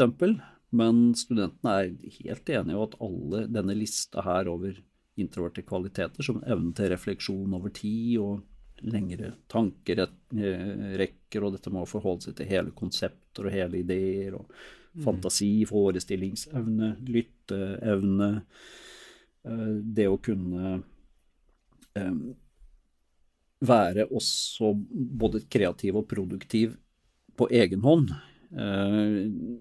i sin alenetid. Og alle er helt enige om ja, men dette er jo kjempefine kvaliteter å ta med seg. Og det vi opplever også blant de studentene som, som oppfatter seg sjøl som introverte, så beskriver de at de mangler noe. Ja. Og det er jo veldig interessant. Så de, de ser De har en eh, slags uh, uh, De tenker at ekstroversjon er uh, Det er sånn man burde være. Mm. Det er normen, ja. Ja, det er normen. Det er det, det er det, som lønner seg. Det er det samfunnet belønner. Så viser de også at forskningen viser at de som er introverte, kopierer gjerne ekstroverte atferder, i hvert fall. Fordi at man har vokst opp på å lære seg at det lønner seg. Men så viser de også at det, det, er en egen kvalitet i det å være introvert. Og det mm, har jeg fått mange tilbakemeldinger fra studenter på, at det, hadde, det trengte de virkelig å høre. Mm, ja. For sånn trodde de ikke det var. De trodde at det hadde en mangel når de ikke var ekstroverte. Ja. Jeg viser de en uh, veldig fin liten tre-fire minutters uh, video fra, fra BBC som, som, tar for seg dette med The Quiet Power of Introverts. Den er, den er flott. Og så etter, etterpå så svarer de på en eh, anonym spørreundersøkelse her. Og vi ser da på fordelingen av introverte og ekstroverte. De, de får lov å gjette først om det er, de tror det er flest introverte eller ekstroverte. Mm. Og de, de, fleste tror at det er flest ekstroverte. Ja. Men så eh, så viser de resultatet da fra deres klasse, så ser de at hei, her fordelingen over halvparten er introverte. Mm. Og så spør jeg dem litt grann, ja, hvorfor tenkte dere sånn, hvorfor har dere noen oppfatning at det er flest ekstroverte? Og da lander de alltid på dette svaret om at eh, jeg tror nok det er fordi at de ekstroverte er mer synlige. De tar mer plass. Mm. Da virker det også som det er flere av de. Og så viser jeg de hvordan så det ut på kullet over. Ja, så fikk de jammen se at Sjekk den eh, fordelingen av prosentfordelingen. Altså kullet i 2020 var 56% introverte. Kullet i 2019 var 57 introverte. Mm helt likt. Og akkurat i denne powerpointen så har jeg ikke årets, men det var eh, ca. det samme. Litt flere introverte der, men tror jeg en ganske ja. Eh, tilfeldig fordeling. Da er vi, hvis vi går tilbake til de, de her eh, bygge, byggeblokkene som du mm. viste i stad, så er vi er mm. vel på vei til en forelesning om anerkjennelse, da? Ja, det er vi. Det skal, vi, mm. skal jeg komme raskt dit. Ikke sant. Eh, bare ta et morsomt poeng her først, og det er at eh, altså ber de om å foreslå hvilket land i verden oppfatter de som mest ekstrovert, hvor, det finnes flest ekstroverte mennesker. Og det er jo ingen tvil, ja, det er selvfølgelig USA. Sier alle USA, ja. alle sier USA. Og så viser de en undersøkelse, en større undersøkelse som ble gjort eh, på begynnelsen av 2000-tallet i forbindelse med en revisjon av den eh, Myers-Briggs eh, Step to, to Manual. Eh, og, da, og da runger latteren i salen, for da ser de at det er kliss likt. Akkurat det samme, ja. Det er akkurat det samme som, som i deres klasse, som i klasse over, som klasse over der igjen. Så, så dette Ja. syns jeg er en fornøyelig eh, eh, sammenheng, da. Og det nå, nå har jeg kjørt dette i tre år med studentene og ser at fordelingen er såpass lik uten at de aner om fordelingen hos hverandre, og, eller i USA i denne undersøkelsen. Så vi ser at vi, vi mennesker er nok kanskje noe mer like enn det de var klar over. Og det, det liket setter studentene også stor pris på å se liksom, normaliteten i den hos seg sjøl, og det, det de er en del av. Ja. Mhm. Um, vi, før vi går på dette med anerkjennelse, som du, mm, som du forsøker å pense inn på her nå, så peker vi også bare på dette med studentrollen og veilederrollen, for det er viktig, en viktig mm, eh, side ved vår pedagogikk, også, at studentene blir hverandres eh, veiledere veldig ofte uformelt. Fordi de jobber så tett sammen, studentaktivt, uten at vi eh, som fagstab er eh, tett på de. Og da lærer de veldig mye av hverandre, og måten å være på, så ser vi, kobler vi dette opp da også mot Vi gjør et frempek og si at vi skal si noe om, eh, om kommunikasjon, hvordan eh, hvordan skal du gjøre dette i, i veiledningssammenheng? Men så peker vi også tilbake på det vi akkurat har vært gjennom, hvor studentene får lov å reflektere litt over ja, hvordan tror du at dette med introversjon og ekstroversjon påvirker den uformelle veilederrollen som dere alle havner i for hverandre. Ja. Da ser vi lite grann på, mm, på, på dette med jeg skal bare bla meg litt raskt. Jeg merker at jeg bruker for mye tid her nå.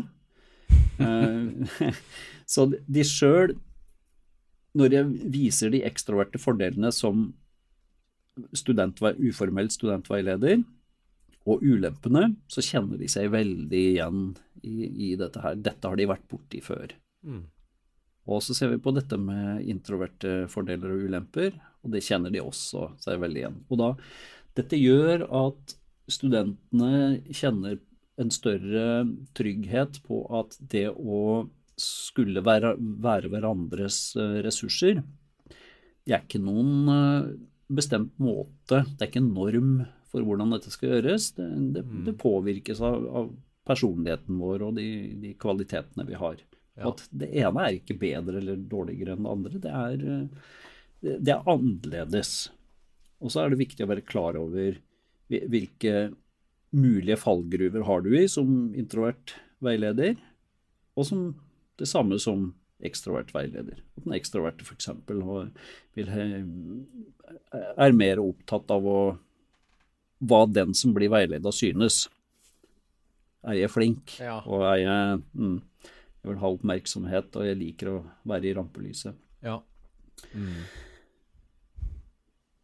Og da får de denne oppgaven som jeg nevnte tidligere i byggeklossen, at da skal de jobbe fram til neste gang vi møtes med å um, samles i, i grupper og beskrive klassemiljøet slik de ønsker at det skal se ut i løpet av studietida. Og så møtes de som klasse og så, sammen med meg, og så diskuterer vi dette sammen, og så kommer vi fram til en, et slags klassedokument da, som Mm.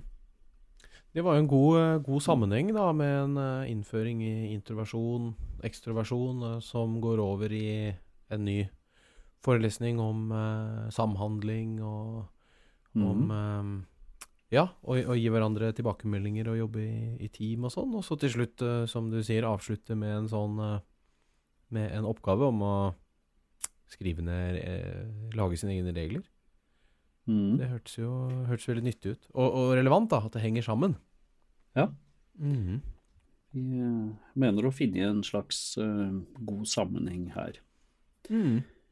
Ikke sant. Og da, da er vi Nå er vi liksom i andre Er vi andre uken allerede av, av eh, semesteret?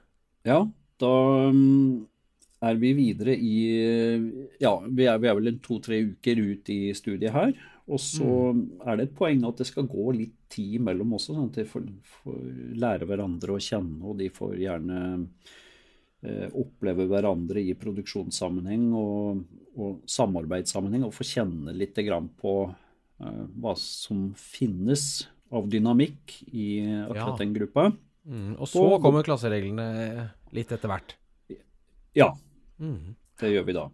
Og, og så kikker vi på dette med, med kommunikasjon, med spesielt fokus på den første forelesningen da, dette med hvordan man gir hverandre tilbakemeldinger, eller kritikk, som vi, begrepet som vi gjerne holder, eh, holder fast ved. Um, så har vi tid til å kikke litt på det òg. Ja, det har vi. Skal vi se, da skal jeg finne Men bare tilbake til de to- to-tre første ukene. Da er, er det stort sett dette her som, eh, som skjer av, um, av forelesninger, seminarer Eller er, får dere hatt mye, mye fag også? Um, Det, det går parallelt med fag også. Ja, ikke sant. Så det er ikke bare eh, elev-student-problematikk de første to ukene, men det er litt innimellom. Litt, eh, litt av hvert. Litt fag og Litt- litt eh, psykososialt og litt eh, studieteknisk osv. Ja, det, det er det. Ja. Det er en viktig del av pedagogikken vår at de kommer i gang med faget så fort som mulig, og at de kommer i gang med praksis i praksisdelen av faget så fort Ja, som mulig. ikke sant. Mm. Mm. Så vi, eh, når det gjelder dette med tilbakemeldinger og korreksjoner og, og kritikk, feedback, så tar vi utgangspunkt i Guro Øyestad, som psykologen som har jobba mye med dette og gitt ut bøker eh, i det.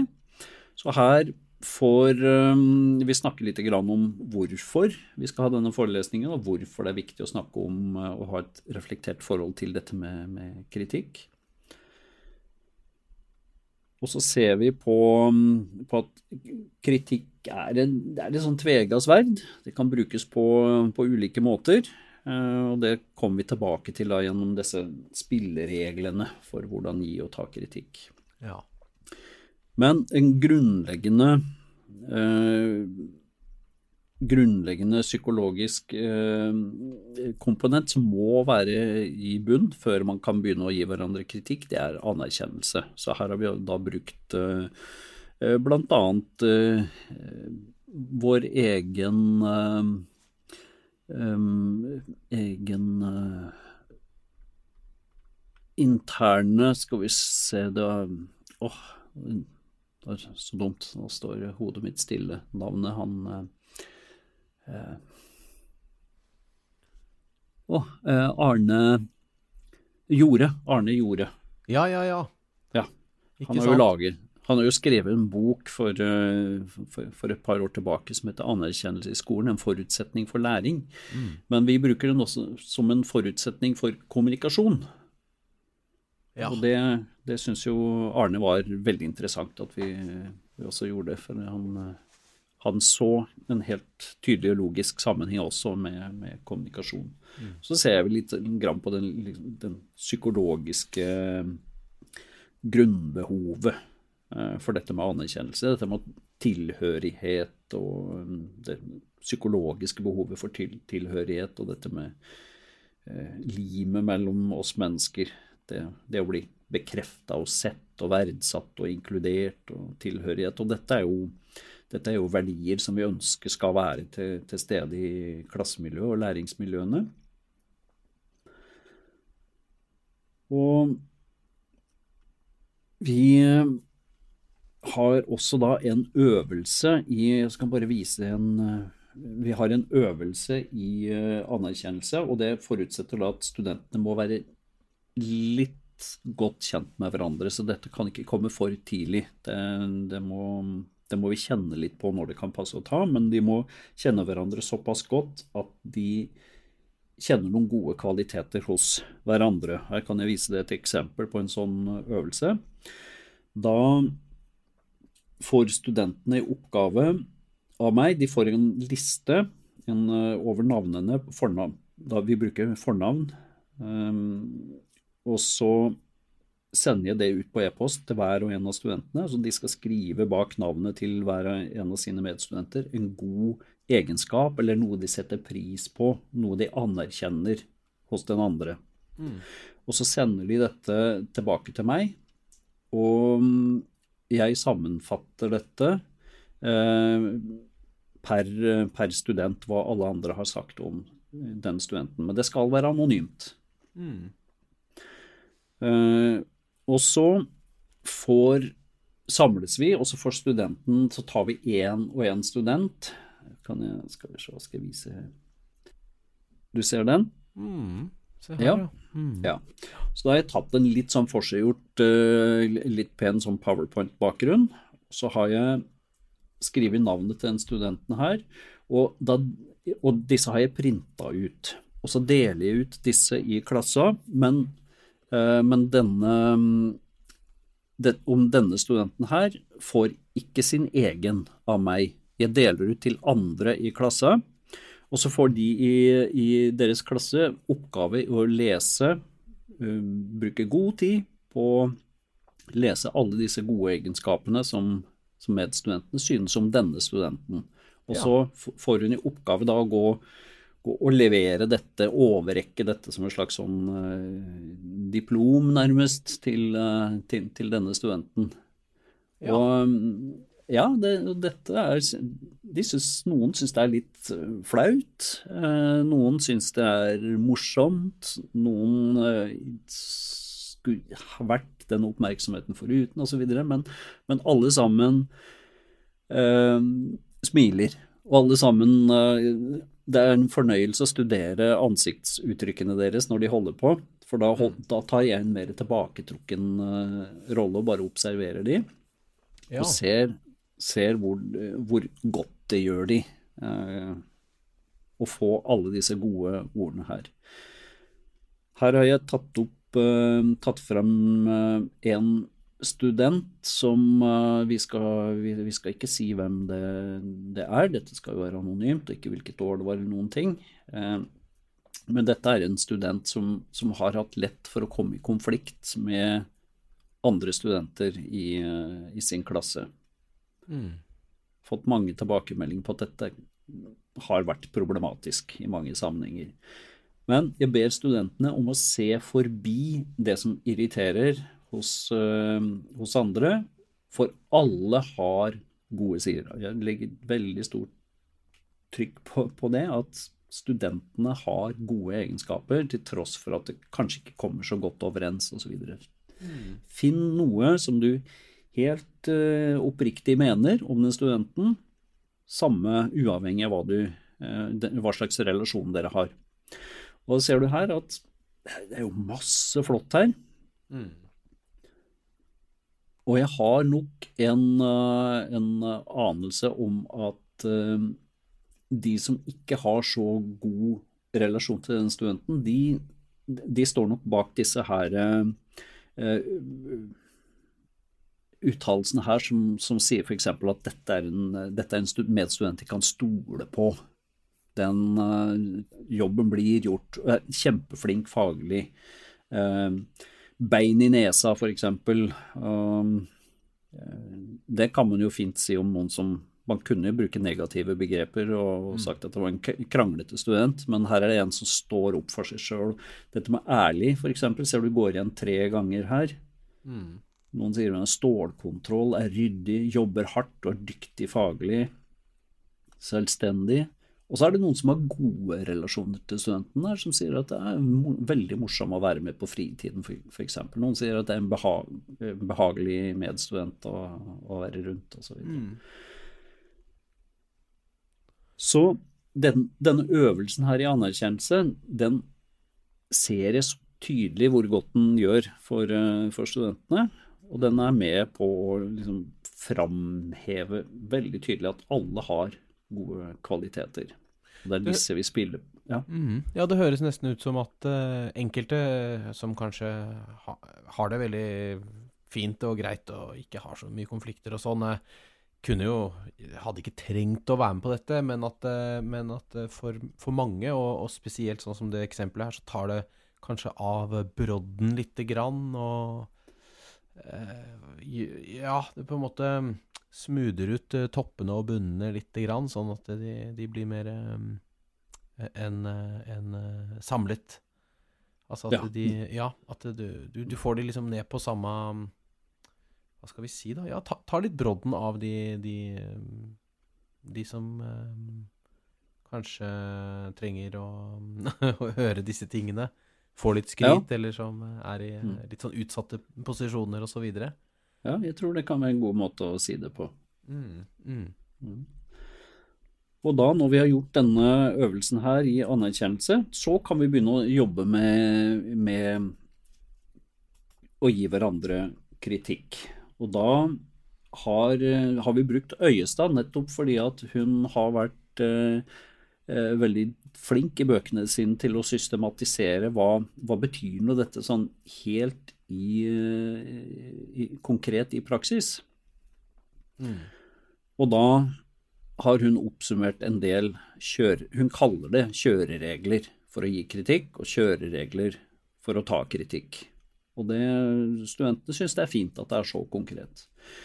Og det vi gjør her da, er at jeg deler ut eh, disse kjørereglene i og deler studentene inn i grupper, så hver gruppe får sin kjøreregel for å gi og ta kritikk. Og så får de diskutere den i gruppa uh, og prøve å tolke hva, hva betyr dette for, for oss Eh, hva slags erfaringer har jeg med dette fra før? Hvordan, eh, hvordan kan jeg sette dette inn i en, eh, en, en sammenheng som, som, gir mening for meg? Og det blir veldig fine diskusjoner, og jeg trenger egentlig ikke å si så mye. Jeg lar studentene da, disse gruppene som snakker om denne første kjøreregelen her f.eks., det er lov å si ifra. Og hvorfor.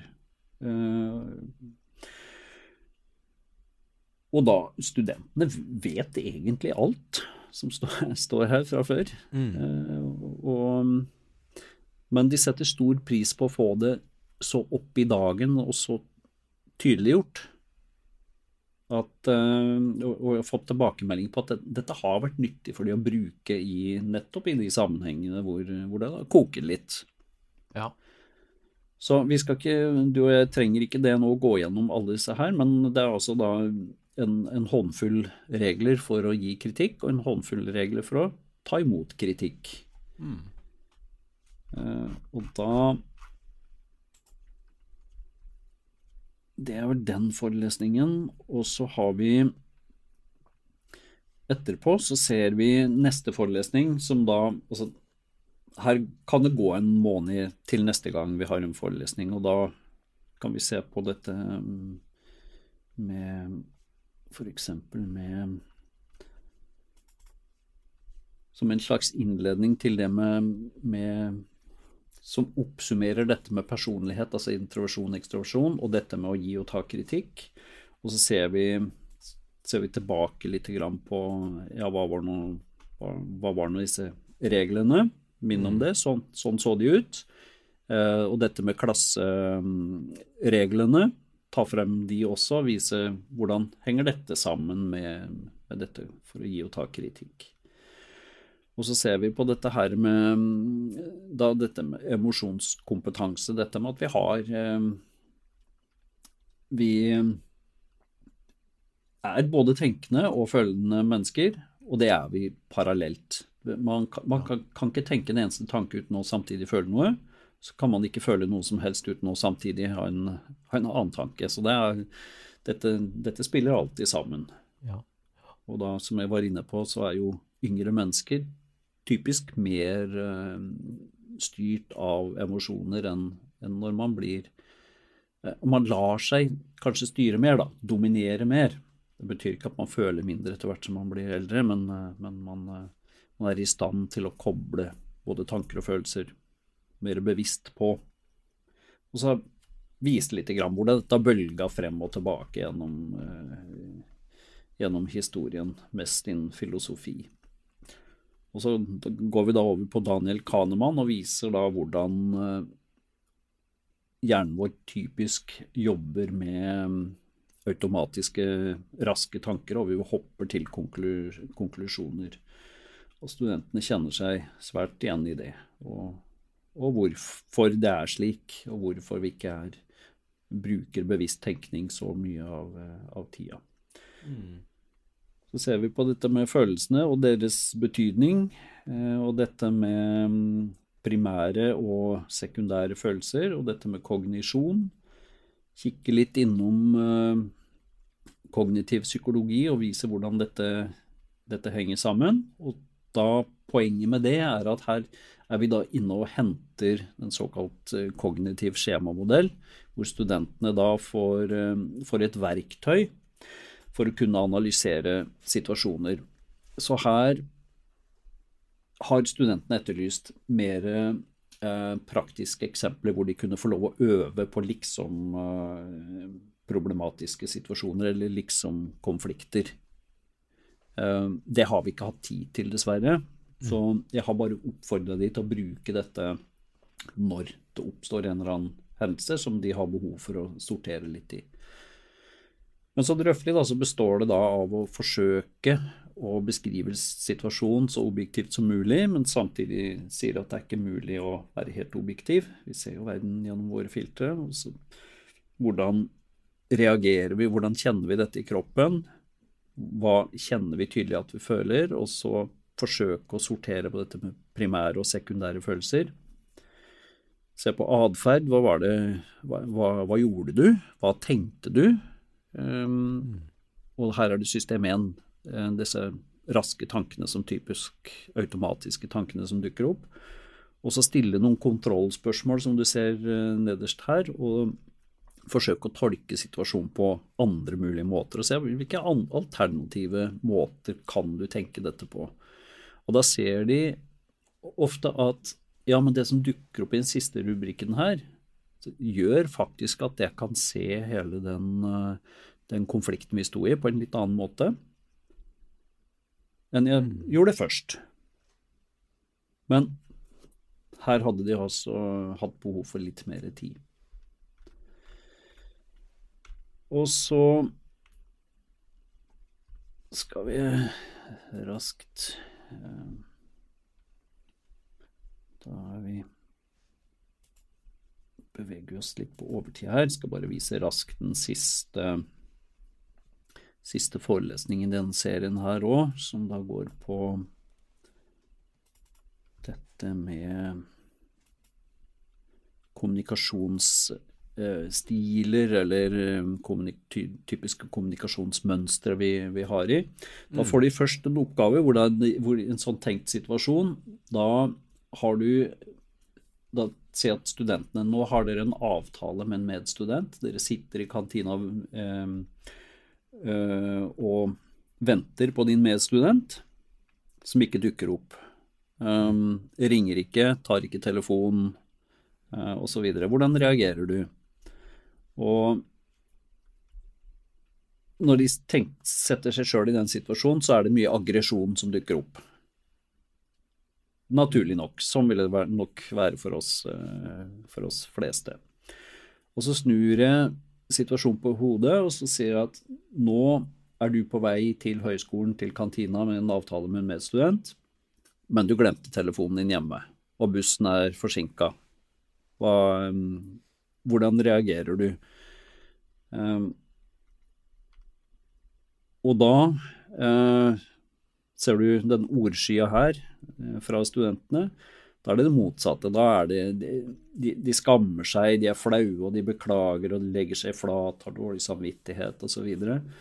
Og så Altså dette typiske følelser som, som skyld og skam. Mm. Og så skal disse to møtes da. Den ene er mer aggressiv, og den andre er eh, skammer seg kanskje. Er flau og syns dette var ubehagelig og skal disse kommunisere. Og så får studentene da diskutere hvordan en sånn type samtale kan, eh, kan forløpe. Og der, her er det mange som sier at oi, sånn har jeg aldri tenkt på det. Dette, dette setter jo en helt annen uh, I en annen kontekst enn, jeg har vært klar over før. Ja. Så da ser vi på dette med mm, ulike kommunikasjonsstiler, at noen har kanskje en mer hang til å ha en litt mer en sånn eh, det vi kan kalle en aggressiv kommunikasjonsform, og du ser disse stikkordene her. Aggressiv behøver ikke å bety nødvendigvis sinna, men det kan alltid være provoserende eller pågående. Det kan være manipulerende, det kan være arrogant og anklagende osv., som du ser her. Som da, du da kanskje ville vært når du var den som blei svikta. Eh, og så har vi denne mm, kommunikasjonsformen, den submissive kommunikasjonsformen, som sier er den motsatte. Det er den som kommer for seint til, eh, til møtet. Mm. Og så har vi den kommunikasjonsformen som kalles assertiv kommunikasjon. Um, har, det er en dårlig oversettelse til norsk. Dette assertiv blir ofte oversatt med, med påståelig. Uh, men i denne sammenhengen her, så, så er det ikke det. Assertiv det handler da om å, å finne en slags sånn balansen mellom å ikke være for aggressiv og ikke være for submissiv, men klare liksom å stå sånn med integritet midt oppi det hele og være i, i stand til å ta perspektiver og være spørrende og eh, tydelig og anstendig og aksepterende osv. Mm. Og så, og så koble da dette opp mot denne tenkningen i, i kognitiv skjemamodell, eh, og se hvordan de kan jobbe med disse her sammen. Eh, og da her får jeg tilbakemeldinger fra studenter at de, de syns de lærer mye om seg sjøl. Mm.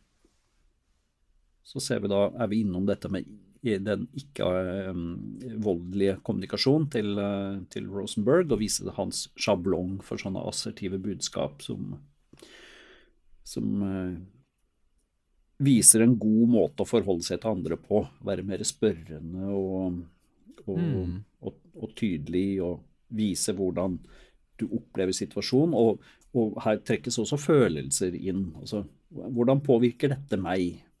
Og det jeg har behov for av deg, er, er du, kan du komme med møte eh, på dette? Så, så det er mer eh, inviterende. Og åpne mer kanaler for kommunikasjon. Så eh, Olav, dette blei eh, mye prating og eh, veldig, veldig rask og grundig gjennomgang av det vi holder på med i dette prosjektet da, fra elev til student. Ja, kjempenyttig. Vi, vi skal jo lage en eh, video sammen, eller jeg skal intervjue deg på video. Eh, den blir betraktelig kortere. Det må den. Eh, så ja, så det, men det, så, sånn sett var jo dette et veldig fint eh, eh, supplement til, eh, til, til den videoen. Eh, og, og ment som det. Så det er fint at vi har brukt litt tid. Mm. Um, ja. Så uh, tusen takk. Det var veldig nyttig. Jeg har også lært noe. Ja, men så godt. Ja. Eh, Jeg også har lært veldig mye av å jobbe med det. Mm. Mm. Det å ta tak i problematikken som vi har sett, og, og virkelig dykke ned i den, det, det har satt veldig stor pris på hva jeg har funnet av, eh, av underlag for det. Mm. Mm. Og så høres det ut som gode, gode verktøy eh, som, eh, som eh, undervisere av ulike slag kan ta i bruk. eh, for å ja, kanskje få litt, eh, litt schwung på den første tiden. Eh, sett, stake ut en, en kurs for hvordan eh, studentene skal være med seg sjæl og med andre. Og alt er eh, forskningsbaserte metoder, så, Ja, ikke sant. det er, eh, så det er en soliditet i det òg. Så bra. Ja, men det er kjempefint. Da, mm, til alle som hører på som ikke har sett videoen, så oppfordrer jeg til det, selvfølgelig. Der ligger en link nedi jeg bare scroller ned. Teksten under eh, denne lydfilen. Og eh, så blir det vel det samme med videoen, da, at den peker på denne podkasten. Så supplerer de hverandre. Eh, men hjertelig takk, Jan. Vi ses vel på møte igjen snart, vi. I de, forum. I de forumene hvor vi eh, frekventerer. Det gjør vi, vet du. Ja. Hjertelig takk for at du, du kunne stille opp, da. Og så Ja. lykke til videre med elev-student-prosjektet. Tusen takk skal du ha.